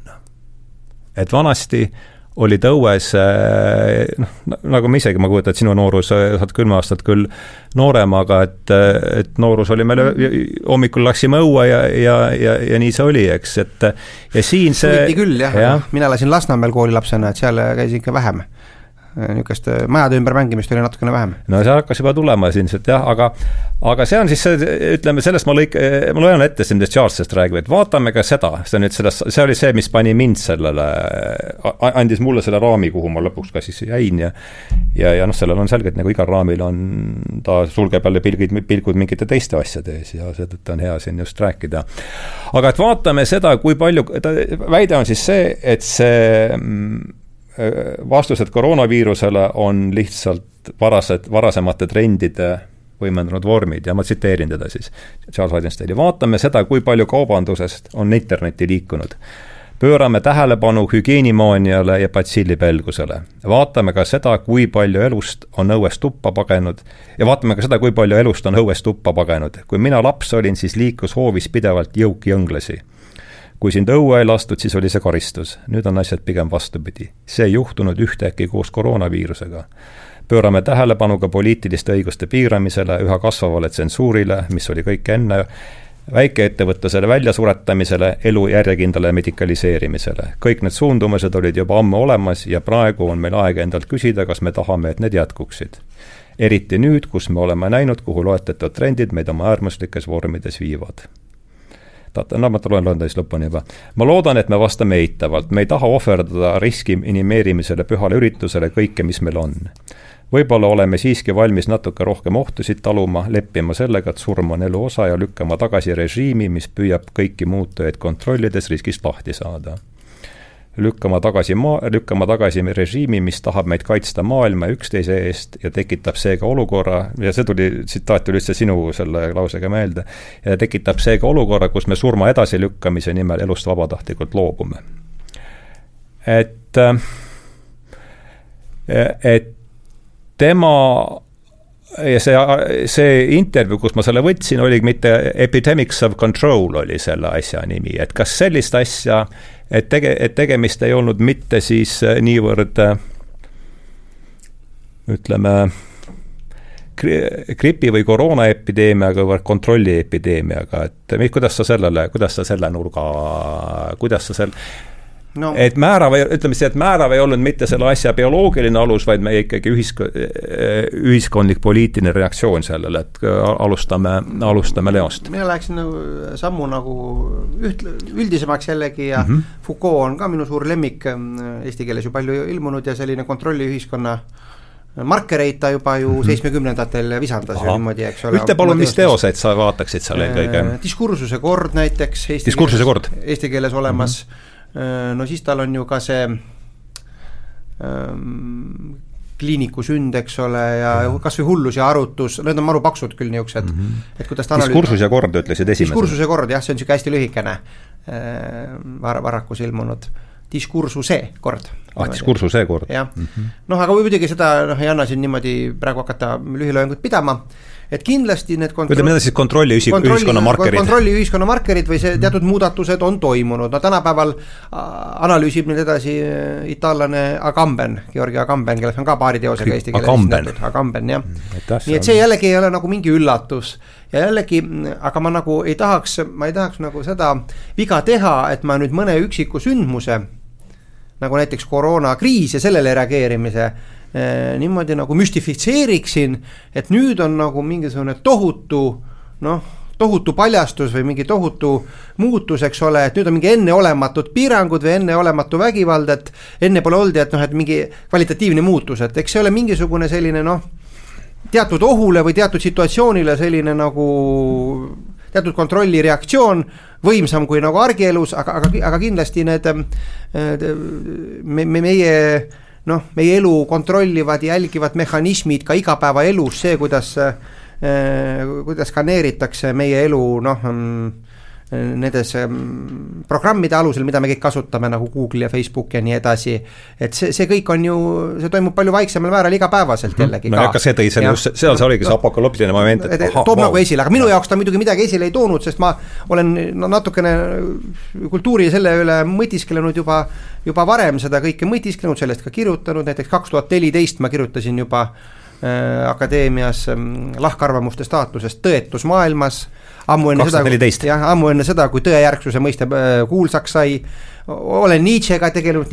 lahkarvamuste äh, lahkarvamuste staatus tõetus, tõetus maailmas oh,. väga huvitav. niimoodi näiteks, olen ju Nietzsche't tõlkinud, Nietzschega tegelenud, tegelen siiani, et mm, noh, ütleme, et, et, et see, et on nagu mingisugune määramatus, et on, eks ole, selline määramatus, mida üritatakse kontrollida. Äh, ja nüüd jällegi ma läheksin nagu kriitiliseks et, et, et, et otsime, et oi, kus on nüüd õige seletus, et mõni vandenõuteooria annab nii täpse seletuse, et, et hüppame rõõmust lakke mm. -hmm. vandenõuteooriad on äh, meie psühholoogiline, minu tõlgenduse järgi psühholoogiline vajadus leida keerukatele või lahendamatutele probleemidele, nagu need nurjatud probleemid, big problem, eks ole, inglise keeles, leida nagu selline lihtne ja kodune lahendus mm. -hmm. et nüüd on noh, nüüd on nagu selline vandenõu, me võime selle vastu koonduda, eks ole, ja siis tunneme sellist, võib-olla leiame noh tänapäeval ju tehnoloogia abil leiame sellise grupi, kes ühel nõul on ja siis võimestame üksteist, üksteise takka kiites ja noh, kuni mingisuguste lamedamaadeni välja mm. -hmm. nii et mina nagu mm, seda teed ei otsi, et, et nüüd kuskil vandenõuteooriad, ütleme, peavoolumeedial on noh väga suured niisugused puudused, miks ma, ma ei telligi, aga ega seal vandenõuteooriates midagi targemat ei ole no,, ma ütlen. seda, seda, seda ma just räägigi, et see on, et siin on vandenõuteooriad ja kuulujutud ongi jäänud ja see on fundamentaalne probleem ja see on see sisuliselt ikkagi, kriis ei olnud mitte niivõrd epidemioloogiline, vaid epistemoloogiline, ütleksin mina. ostsin eile siitsamast Riia tänava taaskasutuse poest Hennoste ajakirjanduse käsitluse Loomingu raamatukogu kaks tuhat kümme, kus olid artiklid sajandi vahetuse paiku ja nii, kus ta siis juba kaardistas, et ajalehed on muutunud selliseks äh, mölamaffiaks ja midagi pole lugeda ja on mingisugused sellised ähm, slängi ja, ja, ja ähm, slängi ja niisuguste pätijõukude pealkirjad ja et ühesõnaga, äh, kes on asja uurinud, on juba seda väga ammu avastanud. et selles mõttes, ähm, selles mõttes jah ei, sellega ma olen täiesti nõus, et, et inimene, kes nende probleemide vastu pidevalt huvi tundes, sellele ei teki, noh, aga masside jaoks oli see ikkagi äh,, seda on, ma ei tea, kas see Matthew B. Crawford on üks USA filosoof, kelle ma olen nüüd ka avastanud viimastel aastatel, tema ütles, et see pandeemia tõi küsimuse siis ekspertide võimu, äh, pandeemia on toonud küsimuse ekspertide võimu poliitilisest legitiimsusest masside teadvusse ja sellega ma olen. Äh, massiteadvusse küll, aga ekspertide probleemist noh juba kõigi nende kaks tuhat kuusteist ja enne seda probleemidega ja, ja. Äh, on väga hästi ka kaardistatud, et üks oh, selline, ähm, üks selline nagu märklaud, ütleme üldrahvaliku viha märklaud ongi eksperdid. et ekspert ei kõlba, eks ole, meditsiin ei kõlba, koroonat pole olemas ja umbes nagu nii, et noh, et hakkame siis, eks ole, hanerasvaga ja kuidagi nagu talupojatarkusest, aga see talupojatarkus, eks ole, tänapäeva kompleksmaailmas on tegelikult praktiline lollus ikka sageli. ütleme, et me ei saa nagu kirvega minna nagu arvutit parandama ole hea, Piret, äh, ole Anna, äh, sama, kus me siis nüüd jõudsime ah,, me jõudsime kus siis. jah, jõudsite, et. me jõudsime hüsteeria ja kontrolliühiskond on ikkagi no, praegu, praegu see mul tuli siin vahepeal mitu mõtet, aga ma võtaks siis sellel sabast kinni, mis mul viimasena tuli, äh, see oli tegelikult, puudutas just sedasama meediat, äh, kui Leo rääkis sellest Hennoste raamatust, äh, see oli see kommikoer ja pommikoer või? Jah, et siis ma mõtlesin jälle oma, omast aspektist, et töötanud kolm aastat Postimehe reklaamiosakonna keeletoimetajana põhiliselt sisuturunduslugudega ütlesin ma juba vist kaks tuhat kakskümmend üks veebruaris ütlesin oma üle laua istuvale küljendajale, et kuule, et järgmine paanika tuleb meil nagu rohevärgiga, sest käes, juba on käes. kakskümmend üks oli juba selge, et äh, kõik sisuturundusartiklid olid ainult äh, rohevärgist. no see propagandaveski on nüüd selles Jaa, sektoris. propagandaveski ei olnud veel nagu masside teadvusesse jõudnud, aga ta mm -hmm. jõudis sinna üsna peatselt, aga et võib-olla minu jaoks masendav on see, et noh, ma olen ikkagi kirjanik, ma tean küll, et millised on minu raamatute trükiarvud, et luulet loetakse umbes kolmsada inimest ostab seda ja et proosat ostab umbes tuhat inimest. mina olen kirjastaja, olen veel rohkem masenduses aga, aga. ma näen su loogikat aga mulle jõudis kohale, et tegelikult need inimesed ei olegi minuga, isegi need, kes mind loevad, nad ei ole minuga mitte kunagi olnudki. see oli see, mis mind tabas tegelikult või noh mm, Äh, just nimelt, et see räpane, porine jalajälg äh, inimeste teadvuses, äh, mille jätab kas peavoolumeedia või ka minu pärast mingisugune vandenõuteooria, tähendab ikkagi ühte sedasama, et ma võin kirjutada mida iganes, aga nad ei ole minuga, sest nad ei saa sellest aru, mida ma kirjutan et mm, -hmm. et neid inimesi on äärmiselt vähe, kes nagu on minuga koos selles kogemuses, mida ma nagu heausksena juba paarkümmend aastat inimestega üritasin jagada nagu, et jagada kogemust, et no ma ei tea, et mingitel inimestel oleks pärast mind kergem elada näiteks et tõepoolest oleks äh, selline võimalus, et nad loevad mu raamatust mingisuguseid skeeme, äh, mida on juba välja mõeldud, äh, et mida on eesti keeles juba kirjutatud ja nad ei pea seda enam ise tegema, neil on lihtsam. sinu raamatutest on raske ikkagi seda tuleviku mm, optimismi välja lugeda, kuna optimismi ma ei nõuagi. ma ütlen, kuna see, see sensitiivsus on niivõrd suur ja, ja, ja ikkagi noh, nagu heakirjanduse puhul on, eks ole, et, et õnn on ju triviaalne, aga, aga, aga need mured ja probleemid on need, mis on nagu originaalsed, et sinu raamatute puhul on samamoodi, et ikkagi juba seesama viiskümmend lõiget, mis me su juubeliks tegime mm, mis on niisugune väga rariteetne teos, võib öelda, mida mul endalgi ei ole enam, ja, ja ka siin ja ka tulevases, et ikkagi probleem ja ärevus ja sellised nagu noh siit ja sealt vaatenurkast, siit ja sealt ajastult, et need nagu eh, sellised ärevused kuhtuvad, et ütleme, kellel on nagu ärev hingeelu, et, et ma ei teagi, kas ma soovitaks sind lugeda, et see võib ikkagi nagu eh, noh, eks ole, kirjandus, kirjandus ju ei ole mingisugune, kirjandus on teraapia ainult võib-olla autorile kui hästi läheb, ma ütleks, aga lugejale minu arvates mitte kunagi. no see ei ole ka tema eesmärk tegelikult ju. No,. see, ma ei ole kindel, kas ma sellega päris nõus oleks, aga no, mitte kõigile muidugi, osadele on. ei no teatav kirjandus nagu Šveik, eks ole, Šveigi, et ikkagi, aga ma tahtsin selle kontrolli ühiskonna kohta veel ühed, ühed niisugused mõtted öelda. Ja, ja teatud mõttes noh, minu niisugune mm, chill olek, nagu ma siin esindan, et teatud mõttes, eks ole äh, on, on ilmselge, et sellel kontrollil on igasuguseid vorme ja teatud vormid meid siis tapavad, nagu vahepeal mask või midagi, aga kui nad on niisugused noh, kuniks nad on, eks ole, ikkagi on ju hullemaid vorme, kuskil Ukraina piinakongis olla oleks ikkagi hullem. et kui nad ei ole väga hullud, siis noh, tuleks nendega minu arvates nagu leppida või aktsepteerida, et, et, et, et, kontrolli on nagu ümbrust täis. üks selline huvitav fakt, mida ma arvasin, ma arvasin ka, et see on mingisugune paranoiline luul, aga huvitav, mu bridžipartner, kui me Leedus käisime, rääkis sama asja ja kuidas teile tundub, ta rääkis niisugust nimest asja tema rääkis seda kindlas vormis, mina kahtlusel, ma olen abikaasaga arutanud, et huvitav, kuidas see on, et ma eesti keeles vestlen millestki, näiteks ütleme, et oleks vaja uusi talvesaapaid osta, vestlen, ei guugelda, aga Facebookis saan talvesaapa reklaami järgmisel päeval mm. -hmm. kas te ei ole täheldanud midagi sellist? no nad räägivad jah, seda minu bridžipartner rääkis kindlas vormis, et, et, et telefonis on mingisugused algoritmid, mis nagu seda noh, tõlgivad ära juttu kuulavad ja siis reklaami vahetavad, noh, see on võib-olla paranoiline idee, aga, aga tõesti, mina olen seda no, nagu tundnud. kui sa Jungi loed, siis ta räägib sellistest juhtus, juhtumitest ammu enne internetti, nii et selles suhtes Need ühesõnaga asjad viivad kokku. Need on nagu tähendusrikkad kokkusattumused on selle teistmoodi asjad, sest tegelikult asja. ma ikkagi ütleks, et mu laps, kes on praegu kakskümmend kuus, rääkis mulle sellest juba viis aastat tagasi julgelt ja ütles, et ta tegi oma tüdruksõbraga katseid või? jah, katseid, et nad rääkisid paar päeva näiteks asjadest, mis olid nende elus üpris ebaharilikud, noh, ma ei tea, mingid ämblikud või skorpionid või mis iganes ja vaatasid, kas telefonid reageerivad ja loomulikult nad reageerisid ja no, see ei ole mingisugune nagu uus asi, vaid seda võib vabalt testida, kui sa võtad no. mingeid uusi teemasid oma. ja nüüd ma võtaksingi, kui tohib natuke pikantse anekdoodiga mm rääkida, ma räägin niisuguses viisakas vormis, et, et ütleme, et nüüd, kui meil oleks nagu ideaal, et me peaksime kontrolli alt vabanema ja saama mingiks vabaks inimeseks ja noh, aga mida siis teha kuskile kuradi auku ennast kaevata. et selle kohta mul on üks niisugune anekdoot, et on, on tsirkuseetendus ja noh, lõvid hüppavad ja kõik klounid ja, ja korraga pannakse tuled kustu saabub pimedus, nagu sinu visioonides, et üks väikses valgusvius tuleb konverentsee ja ütleb, et et ühesõnaga, et äh, kallis publik, et nüüd tuleb üks selline artist, kes on hästi häbelik ja ta üldse ei esine, kui te siin sumisete, et nüüd palun haudvaikust. nüüd tuleb selline noh äh,, hästi häbeliku artisti number.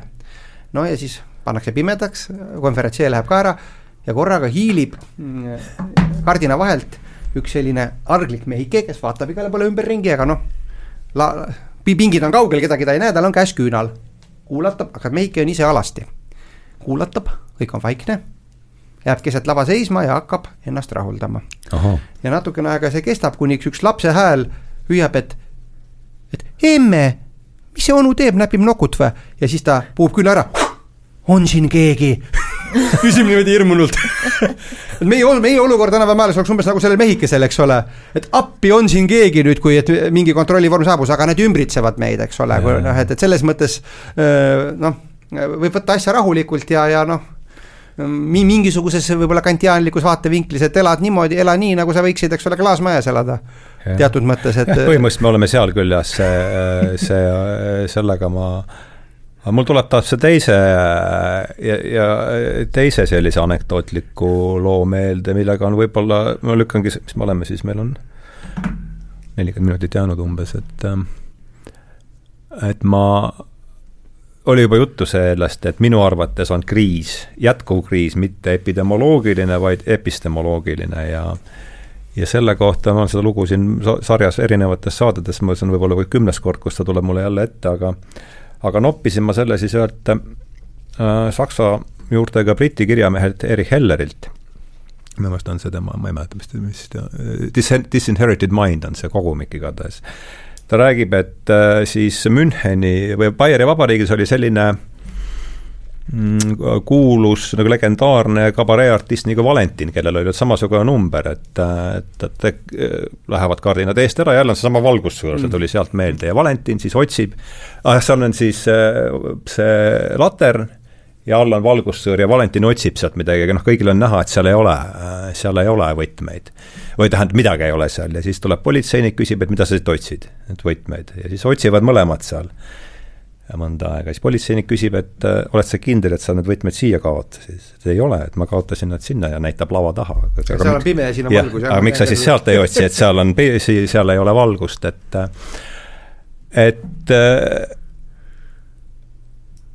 et laias laastus on minu arvates on see probleem ikkagi selles ja see, et mina nii arvan, ei tähenda muidugi, et asjad nii on, sellest ma annan endale ka aru, et see on niisugune üle tot-, totaalne hõimustumine, üle, ja see tõejärgsus on lihtsalt see, et see, mis veel kord, kus me tundus, et me nõustusime, et see peavool on samasugune äh,, samasugune siis äh, äh, konspiratsiooniteooria nagu siin kõik teised juba, ja, ja see on lihtsalt seetõttu, et meil, meil ei ole enam seda viisi, kuidas teadmist, meil ei ole enam, meil ei ole enam ühist jagatud arusaama sellest, kuidas jõuda tõsikindlate teadmisteni, et et ma arvan, et see kontrolliühiskond ja see kõik on, et see juurprobleem, tundub mulle, on seal, et mis... no teadmisi, aga küll aga võivad ühised emotsioonid olla ja ongi, teadmisi asendavad ühised emotsioonid mm -hmm. ja, ja sealt see ka hüsteeria näiteks praegune sõjahüsteeria, eks mm. ole, ma tooksin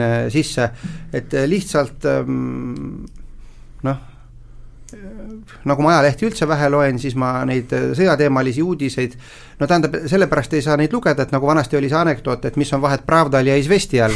et vahe on selles, et Pravdas ei ole tõtt ja Izvestijas ei ole uudiseid. et, et selles sõjakasutuses on ju ka emotsioon, aga ei ole uudiseid, mis toimub, eks ole, eh, rinnetel, see on ju saladus aga küll aga on kogu aeg niisugune hurraa, imperatiivid nagu, et ütleme, imperatiivne käsitlus, et kuna Ukraina peab võitma, eks ole, siis ta juba ongi võitnud. ja, ja siis on niisugused olemuslood, et keegi vibutab kuulipildu, et oi, kuidas venelased põgenevad. et, et ühesõnaga noh, et toimub nagu kollektiivse emotsiooni üleskütmine, mis võib olla muidugi ju noh, vaata iga, igas sellises nagu liiasuses, igas nagu kuidas ma teile ütlen, igas liiasuses, iga propagandamullis on ju mingi õige alus, sest et päris absurdi ei ole, ole ju võimalik propagandistlikult no või noh, nagu väga-väga väheses kitsas vaatevinklis võimalik äh, võimendada koroonakriisis on ju rea-, reaalne haigus, reaalne oht. keskkonna saastamine toimub, ega, ega ei ole nii, et, et noh, et nagu, nagu mõni arvab, et kõik läheb ise, toimub, aga nagu jällegi, kuidas me siis nüüd üles ehitame need mehhanismid.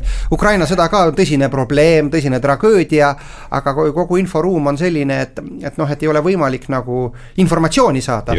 et siis ju ma võin ühe korda öelda hurraa kaasa ja lugeda seda yeah., et on vapper, aga kui ma pean iga päev sedasama nagu üle lugema, siis, eh, siis ma nagu yeah. hindan enda aega nii palju, et ma seda ei taha lugeda yeah ja see ongi, tuleme nüüd tagasi mm, kirjanduse juurde hüppega, kui siin on, kurdame, sina kurdad autorina, mina kurdan kirjastajana, et me vähe, vähe levib, vähe müüme, aga see küllus on ühelt poolt õnnistus ja teiselt poolt needus, et meil on ju tohutu kirjanduse küllus. sa ju, Hardo, mäletad, kui sina noor olid, et kui vähe ilmus kvaliteetkirjandust kui ja. defitsiit, ütleme, tohutu tiraaž oli ka defitsiit no,. Sirbis oli või Sirbis ja Vasaras oli minu arust eriti eraldi rubriik, kus see kõik ära mahtusid. no ma räägin, et selles mõttes, et praegu on nii palju, ma isegi mõtlen, et noh, mul on niisugune seinatäis riiul, nagu siin see suur sein on mul kodus, lugemata maailmakirjanduse pärleid täis, mis ma olen kuskilt tavaliselt kui soodusmüügidest veel saanud mingisugused tõelised Mati Sirkli tõlked ja pärlid.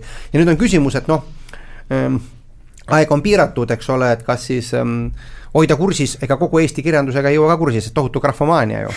et kas sellega kursis hoida ka ei jõua juba, aga et siis veel need pärlid jäävad ka lugemata, et tegelikult ju Piret ja kõik Eesti kirjanikud, sa konkureerid maailma kirjanduse tippudega, kes ka riiulitel kogu aeg tõlgitakse, kogu aeg täidavad, et see on väga karm konkurents, eks ole, keegi me siin, keegi me siin oma era-, põhilises töös ju ei konkureeri maailma ja. Äh, tippudega, ega Postimees ei konkureeri ju New York äh, London Timesiga või millegi sellisega ja, ja noh, et, et me konkureerime maailma tippudega selle aja pärast, et see on nagu probleem. Ja mina isiklikult olen selle lahendanud niimoodi, et võtan seda Eesti kirjandust siis nagu noh nagu töö pähe või et võtan mingi lubaduse, et loen ja kirjutan või, või kirjastan või, või, või mingi aasta ülevaate või et siis nagu saab ka hoida. aga mõni näiteks minu vabamõttesarja autor Jan Kaus ütleb, et ongi loobunud kaasaegsest Eesti kirjanduses äh, kursis hoidmisest, sest maailmakirjandus on tema suurem paleus ja kirjutab muudkui sellest mm. -hmm. nii et see on ähm, et info, mm, ühiskonna infoplahvatuse probleem ei ole mitte ainult selles, nagu ta masside jaoks võib olla, et igasugu jama tuleb sulle ja selle järgi sa jooksed et see, et ütleme nagu ma, ma ei kujuta ette, kuidas on võimalik, mul on ka esimest korda elus nüüd nutitelefon, aga kuidas on võimalik päevad viisi scroll ida nutitelefoni. sest tal internetis ei ole ju, kui ma pool tundi läbi vaatan uudiste pealkirjad, meilid, et no mis sa seal ikka vaatad. ajad mingit haiget, haiget tiba mingisuguse tuttavaga, mis teed, mis teen, mis teen, olen oma telefonis sina ka, aga teevad inimesed seda, oma lapsigi, eks ole, pead ka ikka ka taga ajama, et ei teeks kogu aeg. Aga asi pole sellest jama, vaid head infot on ju ka kamalutega, teadusinfot, kui oskame me siin avalikult võib-olla ei räägi, kuidas, aga, aga saab ju, eks ole, isegi ilma maksmata seda, neid samu tippteaduse asju, eks ole, nagu või noh mm,, filosoofe, mõtlejaid, mis sinagi loed, neid saab ju niimoodi mm, vaata et tasuta, et ei ole aega lugeda, et mis hea, kõik on kättesaadav. kõik on kättesaadav, et nõukogude, nõukogude elu ajal oli elu ikkagi ju niivõrd selles mõttes lihtne, et rõõmus oli lihtne olla, said Runneli luulekogu, hüppasid rõõmust lakke, noh korra aastas said võib-olla banaani, ka rohelist banaani osta, siis hüppasid teist korda. nii et üleküllus. Piret, epistemoloogia ja epidemioloogia. ja kirjand- ja, ja sinu konkurents maailma tippudega ka. minu konkurents, ma muidugi ütleks, et võta chill'ilt seda, ise oled kirjutav inimene, et äh, raamatud on riiulis selleks loomulikult, et mitte neid lugeda, vaid selleks, et meeleolu luua mm. -hmm. ja see mõttetera ei pärine mitte minult endalt, vaid see pärineb Sven Kivisildnikult, kellelt ma ka kunagi küsisin, et kuule, Sven, sul on nagu kaks äh, elukohta raamatuid täis või isegi kolm, et äh, kes need lõpuks läbi loeb, Sven ütles, et need on mul nagu meeleolu jaoks, et no väga mõistetav, mul hakkas kohe kergem elada pärast seda avaldust, sest mul on kahetoaline korter, kuhu ma varsti ise enam ei mahu, sest raamatuid on nii palju, aga aga palju lihtsam hakkas tegelikult, et ma ei pea neid kõiki läbi lugema, igasugune sundus puudub tegelikult, et noh, tähtis on jõuda selgusele iseendas, et pigem ma mõtlen seda, et ei ole vaja lugeda nii palju raamatuid, kuivõrd nagu iseennast mingitest kohtadest, mis on seni veel iseendas läbi lugemata. ja selleks on raamatud loomulikult abiks võib-olla, kui ma millestki aru ei saa, jällegi pean silmas seda, et kui ma tegelen iseendaga süvitsi, siis äh, on loomulikult abiks paljude inimeste kirjutatud raamatud, kes on neid samu radu tallanud nii-öelda enda sees mm,. et äh, nii et see kaos ikkagi mind võib-olla enam, enam ei heiduta aga noh, kuidas viia seda ikkagi noh, mingisuguse mõistliku keskteeni või? Mul tekkis jälle väga palju mõtteid Leot kuulates, aga, aga kõik nad kadusid kuhugi ära, et ma räägin liiga keeruliselt ja liiga ei, sa räägid väga huvitavalt, nii et nagu omaenda mina hakkab lahustuma. Et et, et hakkan üle võtma nagu äh, sinu mõtteid ja siis äh, kaon ära kuhugi sinna sisse. Mm, et eks ma olen teistsuguseid raamatuid ka loomulikult kirjutanud, et kõik see, millest me praegu siin räägime, võib jätta sellise mulje nagu äh, ma millestki muust peale iseenda tundeelu ei kirjutakski ja et see on tihtipeale siis selline segaduslik ja depressiivne nagu, mis vastab tõele, jah, ma püüan inimestele näidata seda väga pimedat sügavat depressiooni kuristikku, eriti oma luules, sest äh, ma arvan, et kirjanduses tuleb see kuidagi pehmemalt ja taktitundelisemalt välja, kui näiteks, et ma võtan inimesel nööbist kinni ja ütlen, et sa oled küll depressioonis, aga tegelikult see asi on nagu veel kohutavam, kui, kui sulle tundub või noh, et ma parem kirjutan sellest. aga et mul on helgemaid ja äh, teistsuguseid raamatuid ka, et ma olen väga palju kirjutanud äh, just nimelt üheksakümnendatest ja mis mind huvitab äh, igasuguste ajastute juures, mm, see natuke haakub sellega, mida Leo siin rääkis, et et meil on olnud nagu igasuguseid üleminekuid ja interregnumeid äh, ajastuliselt äh, ja et need asjad ei ole kunagi nii järsud, nagu Leo ütles, millega ma täitsa nõustun, et äh, mingisugune äh, eriolukorra väljakuulutamine kolmeteistkümnendal märtsil kaks tuhat kakskümmend ei tekita totaalset muutust, ehk ajastu, mida me saame piiritleda siis kolmeteistkümne märts, kolmeteistkümnenda märtsiga ja lõpetada kuskil mais kaks tuhat kakskümmend kaks äkki oli või no mis iganes. Ukraina sõda ja, ikkagi lõpetas sellest, ta läks ja, veel, läks veel inertsist edasi, sest kohe ei sobinud ju seda jaa, et need, need asjad ei ole niimoodi, piirid ei ole niimoodi tõmmatavad, et lihtsuse mõttes loomulikult loomulikult äh, saab nad tõmmata, aga et üleminekud on palju aeglasemad, ehk et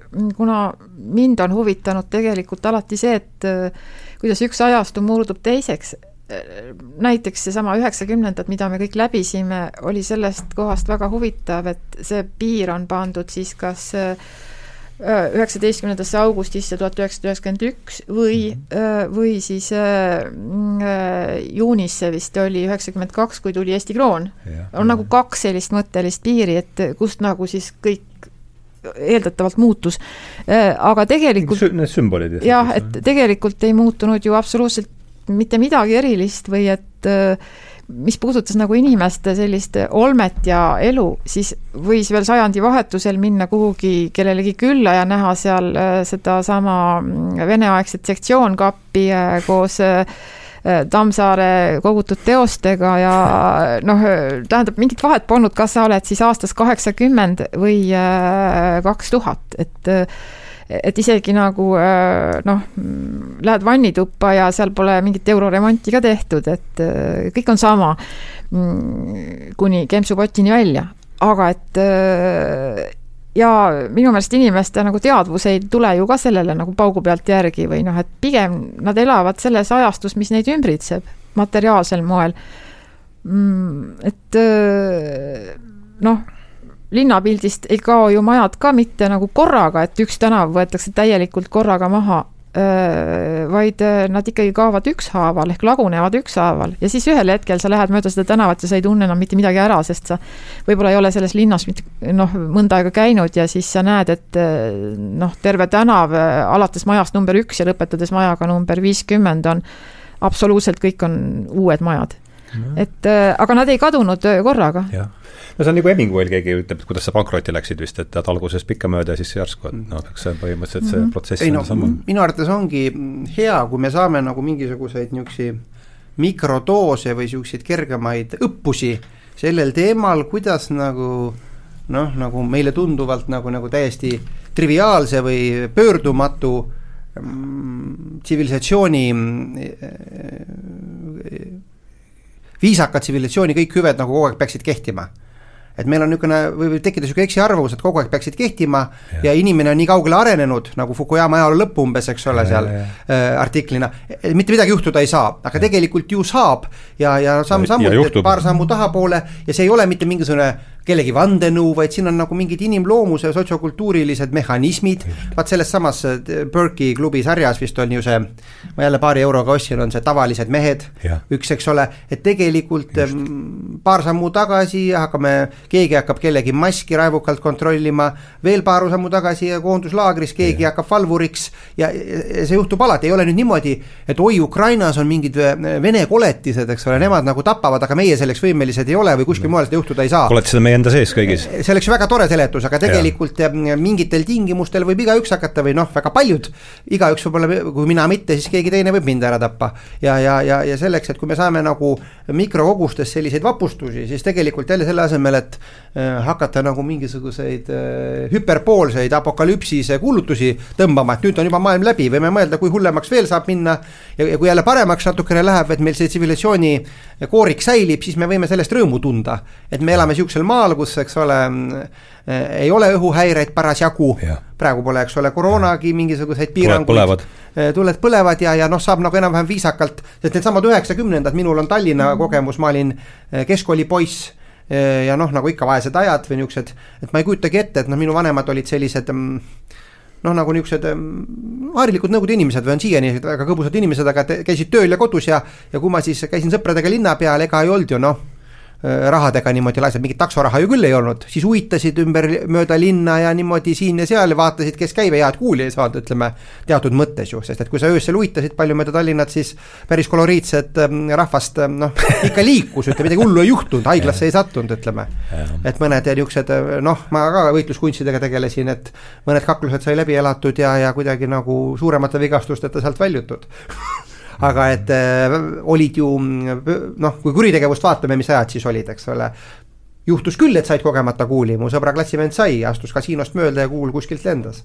ja saigi surma, nii et, et äh, selles mõttes nagu äh,, selles mõttes see on mingis mõttes psühholoogiline nagu jällegi äh, minu arvates nagu kuritarvitus, et kui me nagu iga väiksema kui niisuguse noh, mingi kontrolli süvenemise või ebamugavuse või mingisuguse äh, normaalsest korrast kõrvalekalde ja me hakkame hüperboliseerima, et juba on nagu maailma lõpp käes mm. -hmm. aga, aga maailma lõpp võib tulla ju palju hulleminigi, eks ole. no siin ma just, ma, ma just rõhutasin seda, et see apokalüpsis mitte maailma lõpuni, vaid see, et ahaa. jaa, aga kui me need, kui me, kui me need silmad nii suureks teeme, et me juba näeme, eks ole, noh igas väikses asjas katastroofi.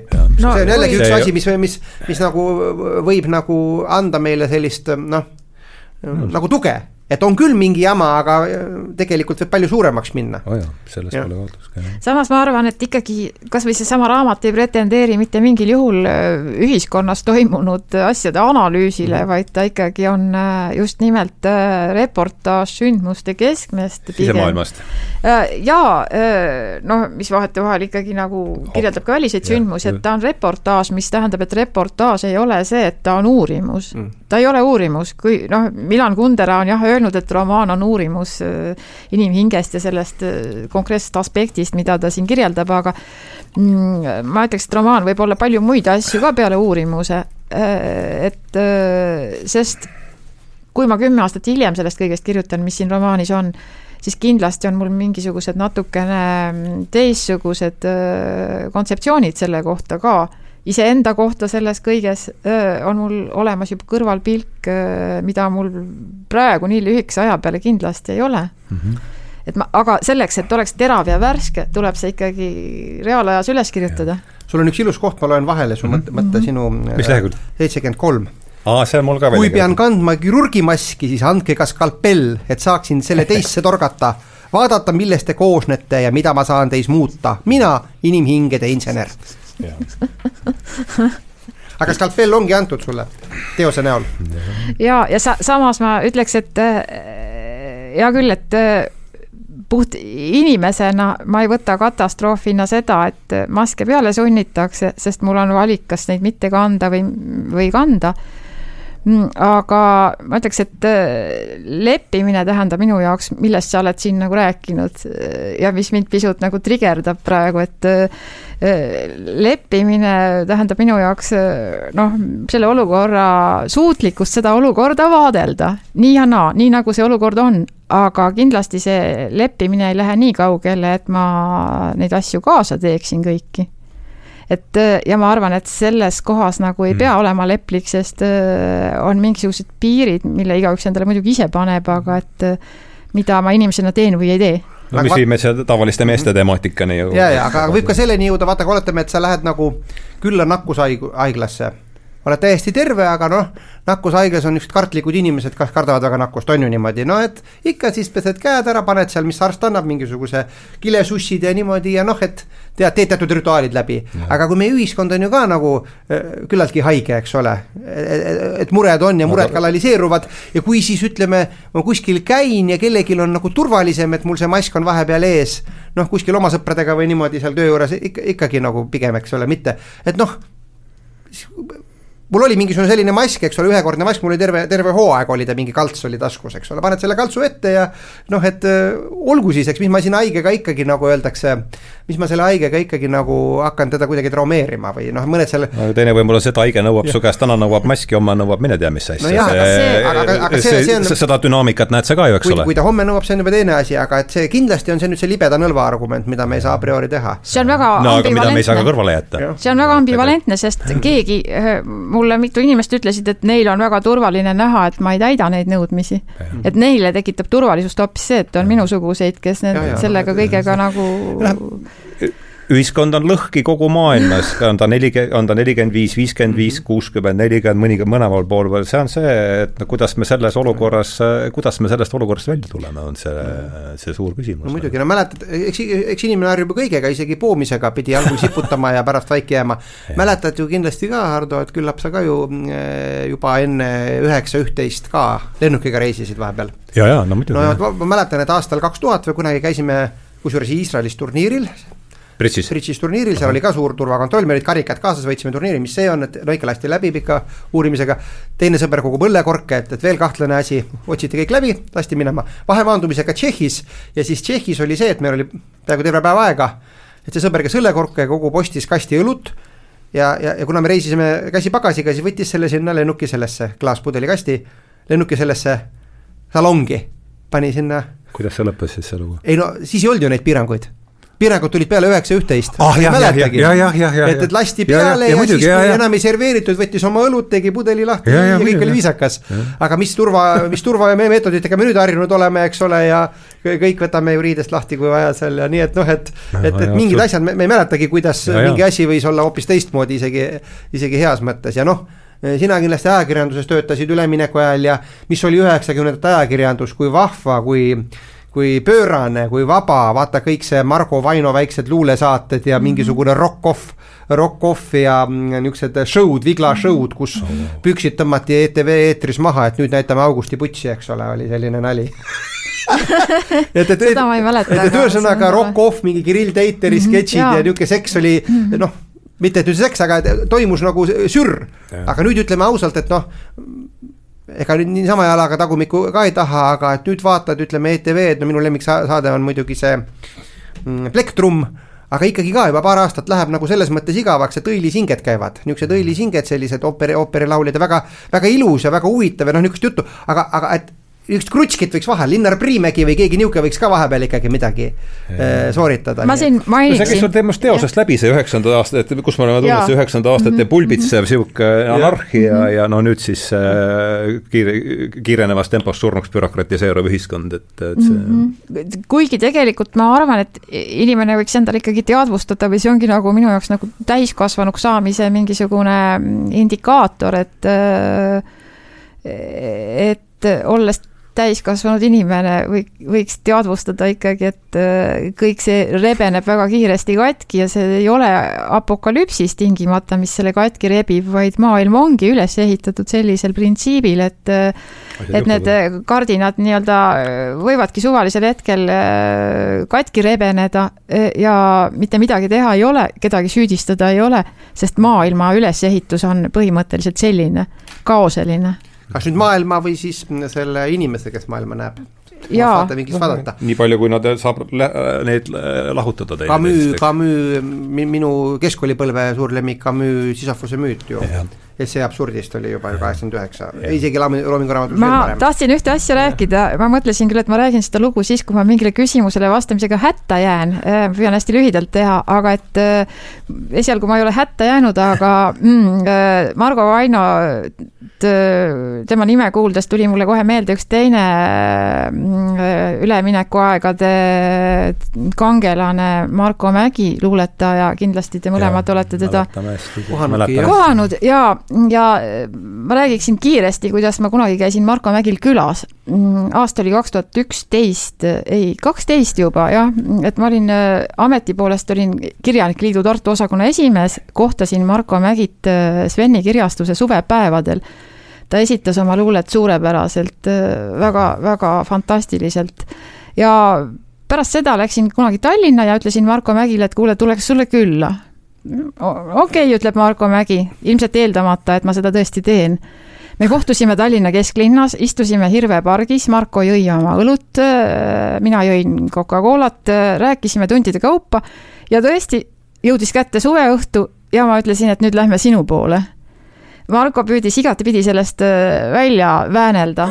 absoluutselt ei tahtnud ta, et ma talle külla läheksin. Mm, lõpuks lõpetasime ikkagi Mustamäel Siili peatuses äh, bussist maha ronides, oli juba üsna hämar ja me olime Marko kodu ukse ees ja Marko ütles, et tegelikult ikkagi oleks parem, kui ma sinna ei tuleks. miks, küsisin ma.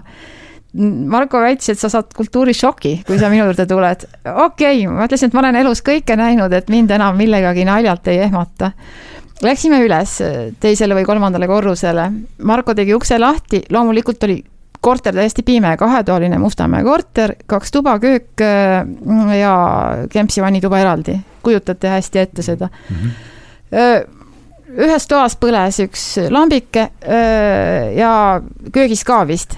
köögis oli külmkapp, mis oli põrandal külmkapp oli põrandale lükatud diagonaalis üle köögipõranda, mitte väga suure köögi äh,. uks allapoole arvatavasti, sest ma olen seda lugu paar korda rääkinud ja inimesed on küsinud, et mis seal külmkapis siis ka oli, et kas ma tegin ukse lahti. ei, ma ei teinud seda ust lahti, see uks oli põranda poole arvatavasti, kui ma sinna kujutluspilti lähen mm, tuba, kuhu kohe uksest sai, oli Marko enda tuba, seda tõesti kattis veneaegne sektsioon, kapp täis raamatuid, sarju veneaegseid raamatuid ja põrandal olid Marko enda raamatud või noh, tema Ekspressist koju toodud hunnikud uute raamatutega, paljud läbi lugemata, paljud loetud ja veel oli põrandal väga palju neid äh, ajalehe väljalõikeid, igasuguste kultuurilugude väljalõikeid. ja ja üks madrats, mis oli üpris räpane ja kus Marko arvatavasti magas ja siis oli seal toas üks televiisor, mis tõepoolest ka töötas no,. ja kuna mul oli käes roos, siis Marko otsis sektsioonkapist kohe lillevaasi, mis seal tõesti ka oli, väga tolmune, ja pani selle roosi sinna lillevaasi. ja ütles, et ma istuks kuhugi, ma üritasin siis leida selles toas ühte puhast nurgakest mingisuguse poroloon madratsi peal, ma selle ka leidsin, veel oli korteris koer, kelle nimi oli Jaagup, kes oli taksikoer ja kes äh, oli Margot mitu päeva ilmselt oodanud seal ja põrandal nende ajalehe väljalõigete hulgas oli hästi palju igasuguseid toidukarpe, mis olid tühjad või olid mingid toidujäänused veel alles. seal oli ka Jaagupi väljaheiteid, sest Jaagup vahetevahel, Marko lihtsalt unustas ta sinna. ja seal, kui ma seal olin istunud paar tundi, siis ma nägin isegi paari prussakat. Mhm. ja, ja loomulikult oli seal ka hais mm, ükski nendest asjadest eraldi ei olnud midagi, mida ma elus polnud seni näinud. kombo oli? no sellist kombot ma näinud ei olnud. teises toas, mis oli suur, oli äh, mööbliladu ehk äh, suur osa mingit veneaegset mööblit oli sinna lihtsalt üksteise otsa kuhjatud ja võis aru saada, et keegi, kes oli sellest korterist välja kolinud, oli sinna pannud asjad, mida ta võib-olla kavatses kunagi veel kasutada. no Marko ema oli see keegi. seal oli äh, noh, igasuguseid veneaegseid asju sisse pakituna ja mööblit ja seda tuba ei kasutatud ja selles toas ei olnud valgust. ja sellest toast sai nagu välja rõdule, kus ma siis öösel mitu tundi istusin ja mõtlesin elu üle. ja ma läksin sealt korterist hommikul välja, öeldes Markole, et äh, noh, et ma lähen, ma ei tea, hamburgeris, hamburgerit sööma ja kohvi jooma kuhugi McDonaldsisse siin lähedal ja rohkem ma sellesse korterisse kunagi ei naasnud. aga ma sain aru, et äh, see korter oli miski, mis, mis murdis nagu minu ettekujutuse maailmast mingis mõttes ära nagu mm. või, et äh, jah, ma olin selliseid asju näinud ja ma tundsin selliseid inimesi ja ma tundsin väga paljusid kirjanikke, kes umbes samamoodi elasid, aga aga see murdis minu maailma sellisel moel ära, et ma ütleks, et see oli see kardinate rebenemise koht. see oli see koht, kus ma sain aru, et tegelikult selles korteris on olemas nii jumalik puudutus, sest kui ma sealt ära läksin ja heitsin pilgu ajalehe väljalõigetele Marko põrandal, siis oli mingist kolmest ajalehe väljalõikest, nendest suurtest äh, tähtedest ja sõnadest koosnev sõnum, mis päris selgelt väljendas seda, et äh, no, no midagi säärast nagu, et päästke mind või midagi sellist, mm. oli seal kirjas.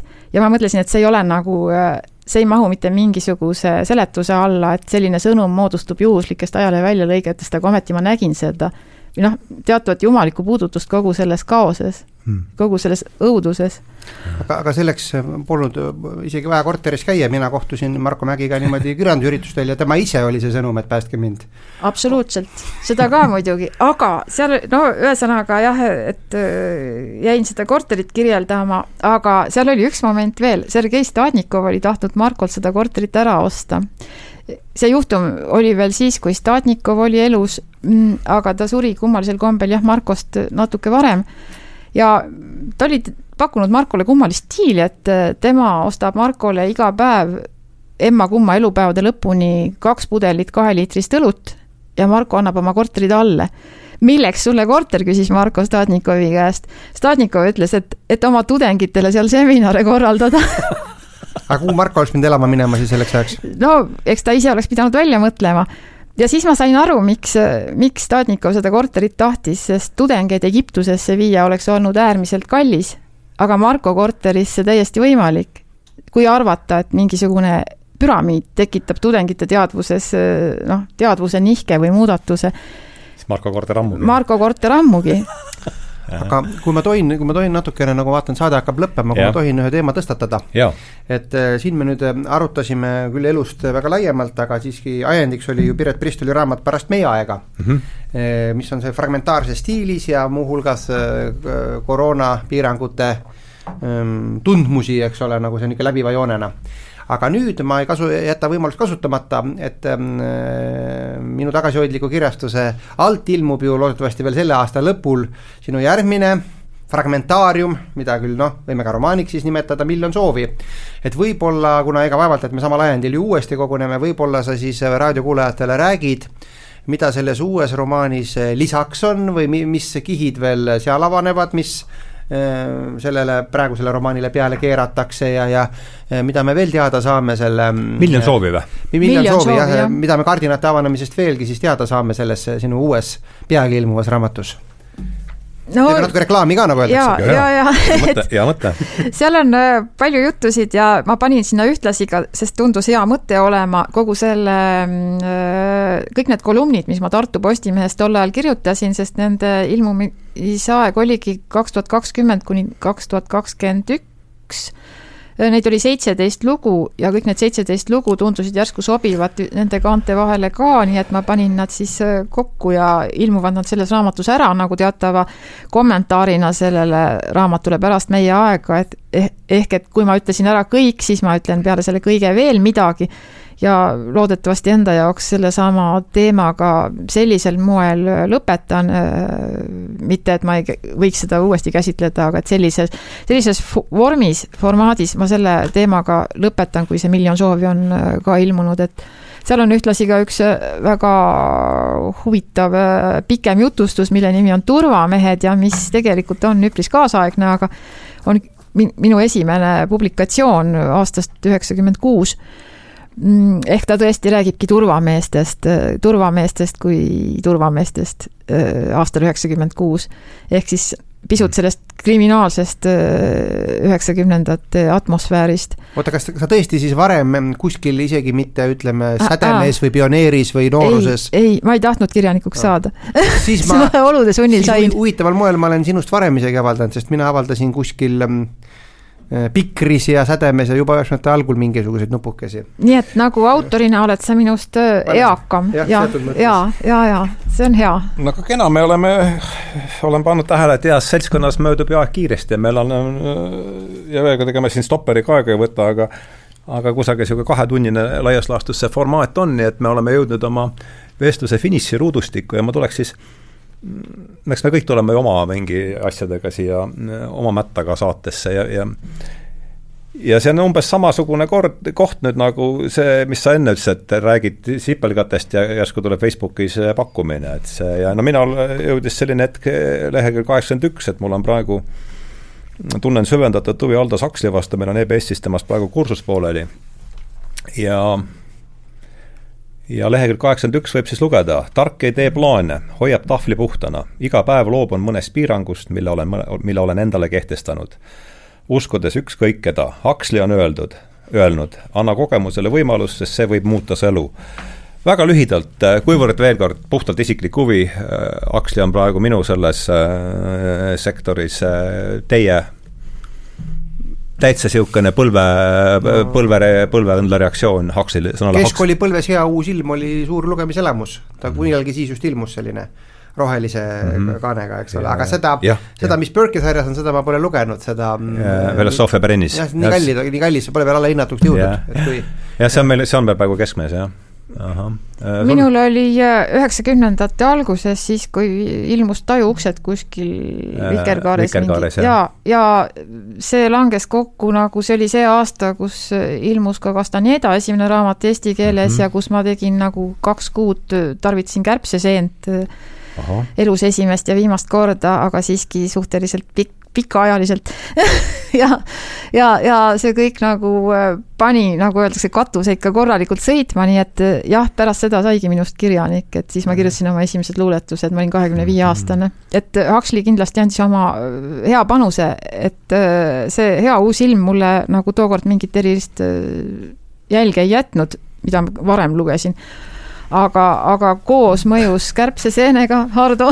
Castaneda ka sinna. ja Castaneda ega, ega ja veel ühi... mõned asjad. ega see ühikas Mister Ogaõunaga siis koos ei olnud, meil oli siis Mister Ogaõun, kes kogu aeg ei, reanimatsioonis käis. Mister Ogaõunast ma ei tea midagi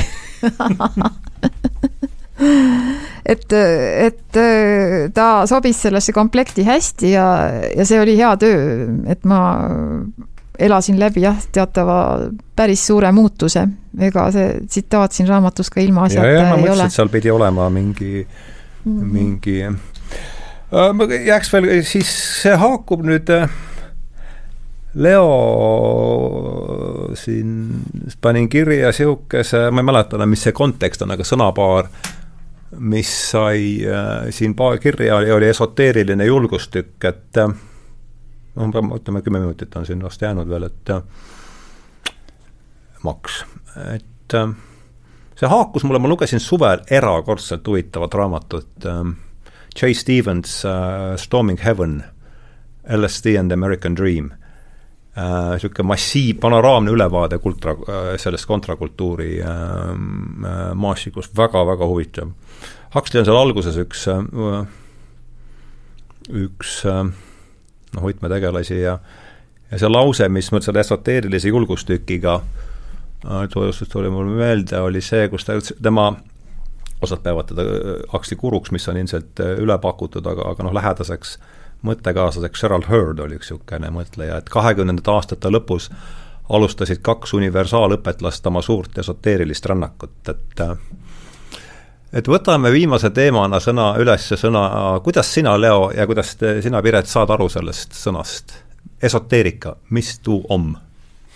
ma ei ole sellesse nii süvenenud etümoloogiasse ja see pole kõike, aga ma, kuidas ma, ma ütlen ma võtan eesti kirjakirja, selle kirjakirja sõna raamat ette. võib lahti võtta tõesti, noh, eks ta on selline, kuidas me ütleme, Ehm, ühest küljest niisugune ehm, alternatiivne, eks ole, teadus, teaduse, teadusest välja jääv, aga kindlasti ta peab ka paeluv olema, et esoteerikaks muutuks, eks ole, sest et mm. teadusest välja jääv võib olla ju noh, mingi selline lihtsalt, eks ole, unustatud või ja, hülje, hüljatud asi, et, et ikkagi, ikkagi selline jah, selline paeluv ja minu arvates ju ma nüüd ei tea sotsioloogiliselt, aga tundub mulle küll, et Eesti on ju selline esoteerika nagu noh, kuldlava või et ütleme, kõikvõimalikud ähm, alternatiivpraktikad ja tegelased ju siin meediaühiskonnaga segunedes, ma nüüd ei kujuta ette, võib-olla Ameerikas või kuskil on samamoodi.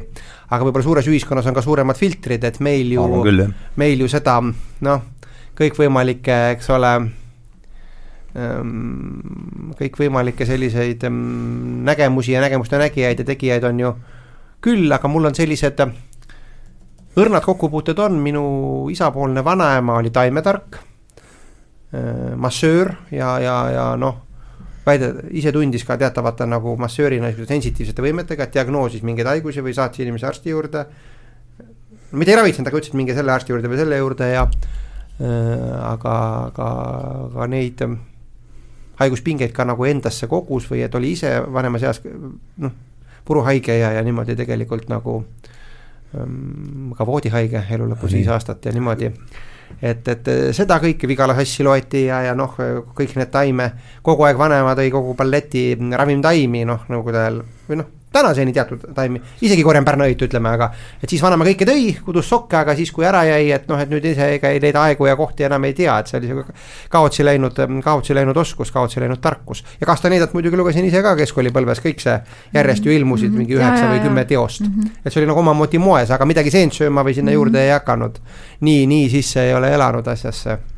kuidas sulle Castaneda, mina ei ole Castanedat kusjuures lugenud ma arvan, et eh, keskkoolipõlves oli ta nagu paras aeg seda lugeda, et oli huvitav ikka mõne klassivennaga sai arutatud ja niimoodi ja ehm, noh, jah, mingisuguseks selliseks noh, ega ju vaata kärbseseen, aga ega ju neid aineid või meskaliine või sisu, eks ole, mm. ei levinud ja päris Hapu, hapukurke viin oli see eh, noh, põhiline psühhedeelikum. oleks hapukurkigi olnud, eks ole, salaviin kuskil, kuskil rohkeklubis, nii et selles mõttes jah.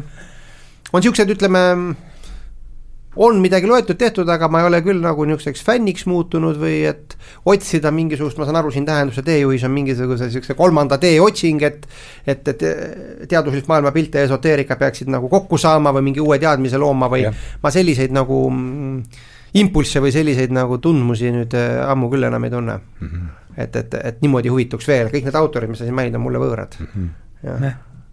Huvitav mm. -hmm. nii, aga no ma vaatasin järele, esoteerika on siis äh, eesti keele seletava sõnaraamatu andmetel salapäraste või salajaste õpetuste, teadmiste ja oskuste koondnimetus, salateadused jaa, et siin võib äh, jah, võiks vaielda sellele vastu, aga ole hea. salateadused on väga hea nimi muidugi sellele tõesti, aga et ähm, ma olen tegelikult äh, lapsest peale juba uskunud igasugustesse imedesse, sellepärast et mul oli ka, nagu Leolgi, oli mul isapoolne vanaema, kes äh, oli väga usklik ja kes oma väitel oli Jumalat ikkagi näinud korra elus ja pärast seda nagu äh, ei olnud miski nagu elus kahtluse all temal küll, tema maailmas ja ta nagu integreeris mu väga hästi oma maailma sisse, nii et kui ema nagu avastas, mis toimub, siis äh, pahandus oli küll suur, aga mina ema olin oli eksoteerik siis, ma saan aru? Äh, ema oli jah et, et pahandus oli nagu kohutav, sest selgus, et ma olen juba oktoobri-laps ja usun ühtlasi nii Leninit kui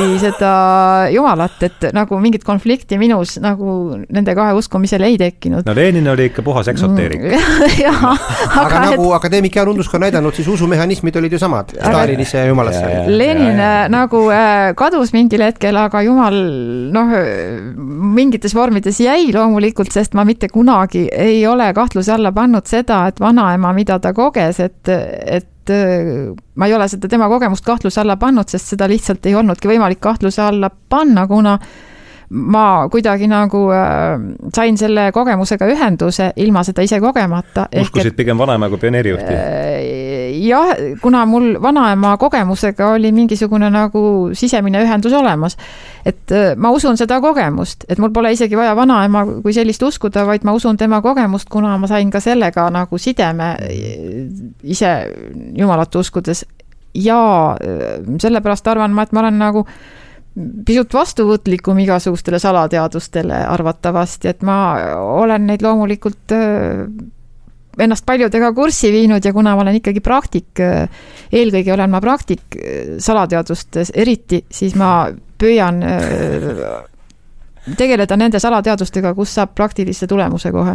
vaimsed praktikad on ju üks jah, et, et ma, ma tunnistan ainult asjade praktilist väärtust ja. enamasti oma elus, vähemalt noh raamaturiiulis võivad nad eksisteerida mul, aga ma hindan pigem neid, mis on, mis on ka praktiliselt rakendatavad nagu Siin... kindlasti hüpnoos, millega ma praegu tegelen, on väga hästi praktiliselt rakendatav. aga sinu konflikt ei ole üldsegi nagu ainukordne või originaalne, eks need kultuurimuutused on ju paljusid paininud, mul tuleb meelde üks anekdoot, väidetavalt tõsi, tõsi, tõsinud lugu, et Hruštšov, kes oli ka ju lihtne talupoeg tegelikult päritolult ja kommunismi asja ajas, aga natuke kahtles ka, olevat Gagarini käest küsinud niimoodi eraviisiliselt, ega sa jumalat juhtumisi ei näinud, kui, kui kosmoses käisid et noh, sa küll nägid, et siis peaks ikka natuke revideerima seda ateismi värki. ma ei tea, kas sa oled lugenud, Kolakovskil on, ma ei mäleta, mis see essee nimi on, aga ta ütleb, et, et see, kes oli peale Gagarinit, käis Titov yeah. kosmoses ja palus, et kuivõrd ta seal Jumalat ei näinud, et siis paluks seda, selle ateismi, ateismi äh, siis ka sellises propagandatöös seda tema tähelepanekuid ära kasutades Kolakowski, et huvitav, et mismoodi ta siis arvas, et see on, et on pilve peal või kuu serval istub mingi ame, habemik vanamees, kes ütleb talle vene keeles, et ma olen jumal ja dikteerisin piibli või, aga kuidas see siis aga muide, aga ega selli-, sellised karikatuurid on väga levinud, sest et mina armastan näiteks oma tudengeid ka, kes ei ole ju filosoofia, vaid noh, pigem praktiliste erialade tudengeid, ma armastan neid ikka igasuguste äh, niisuguste nagu paradoksaalsete teemadega või mitte ajastukohaste teemadega ka nagu kiusata, nagu jumala tõestused näiteks ja ja kuigi me loengul isegi kristliku jumala noh, niisuguse dogmaatilise kontseptsiooni avame, ütleme, et millest ta siis koosnes mm -hmm. ja, ja mõningaid jumala tõestusi, siis eksamitöödes ikka kirjutavad, et, et noh, kuna jumalat pole keegi näinud, et siis teda ei ole. nii et, et ütleme, see on küllaltki niisugune levinud, mis aastast aastasse kordub nagu ikka, mul on kümneid selliseid vastuseid mm. -hmm. no kuulge äh,, ei jõua teid ära tänada, et leidsite aega kaks tundi, see on suur väärtuslik kingitus nii mulle isiklikult kui ka kõigile, kes meid kuulasid, et äh, suur aitäh, Piret Pristol, suur aitäh, Leo Luks, oli rõõm äh, teiega need kaks tundi siin veeta ja ja täname, tänan, tänan teid mõlemaid koos, iga kumbagi eraldi ja, ja tänan kõiki neid, kes on teinud selle saate võimalikuks ja ja, ja läheme siis sellega lahku suuremate sõpradena, kui me enne olimegi ja tõmbame tõmbame joone alla, aitäh! tänan ka mina!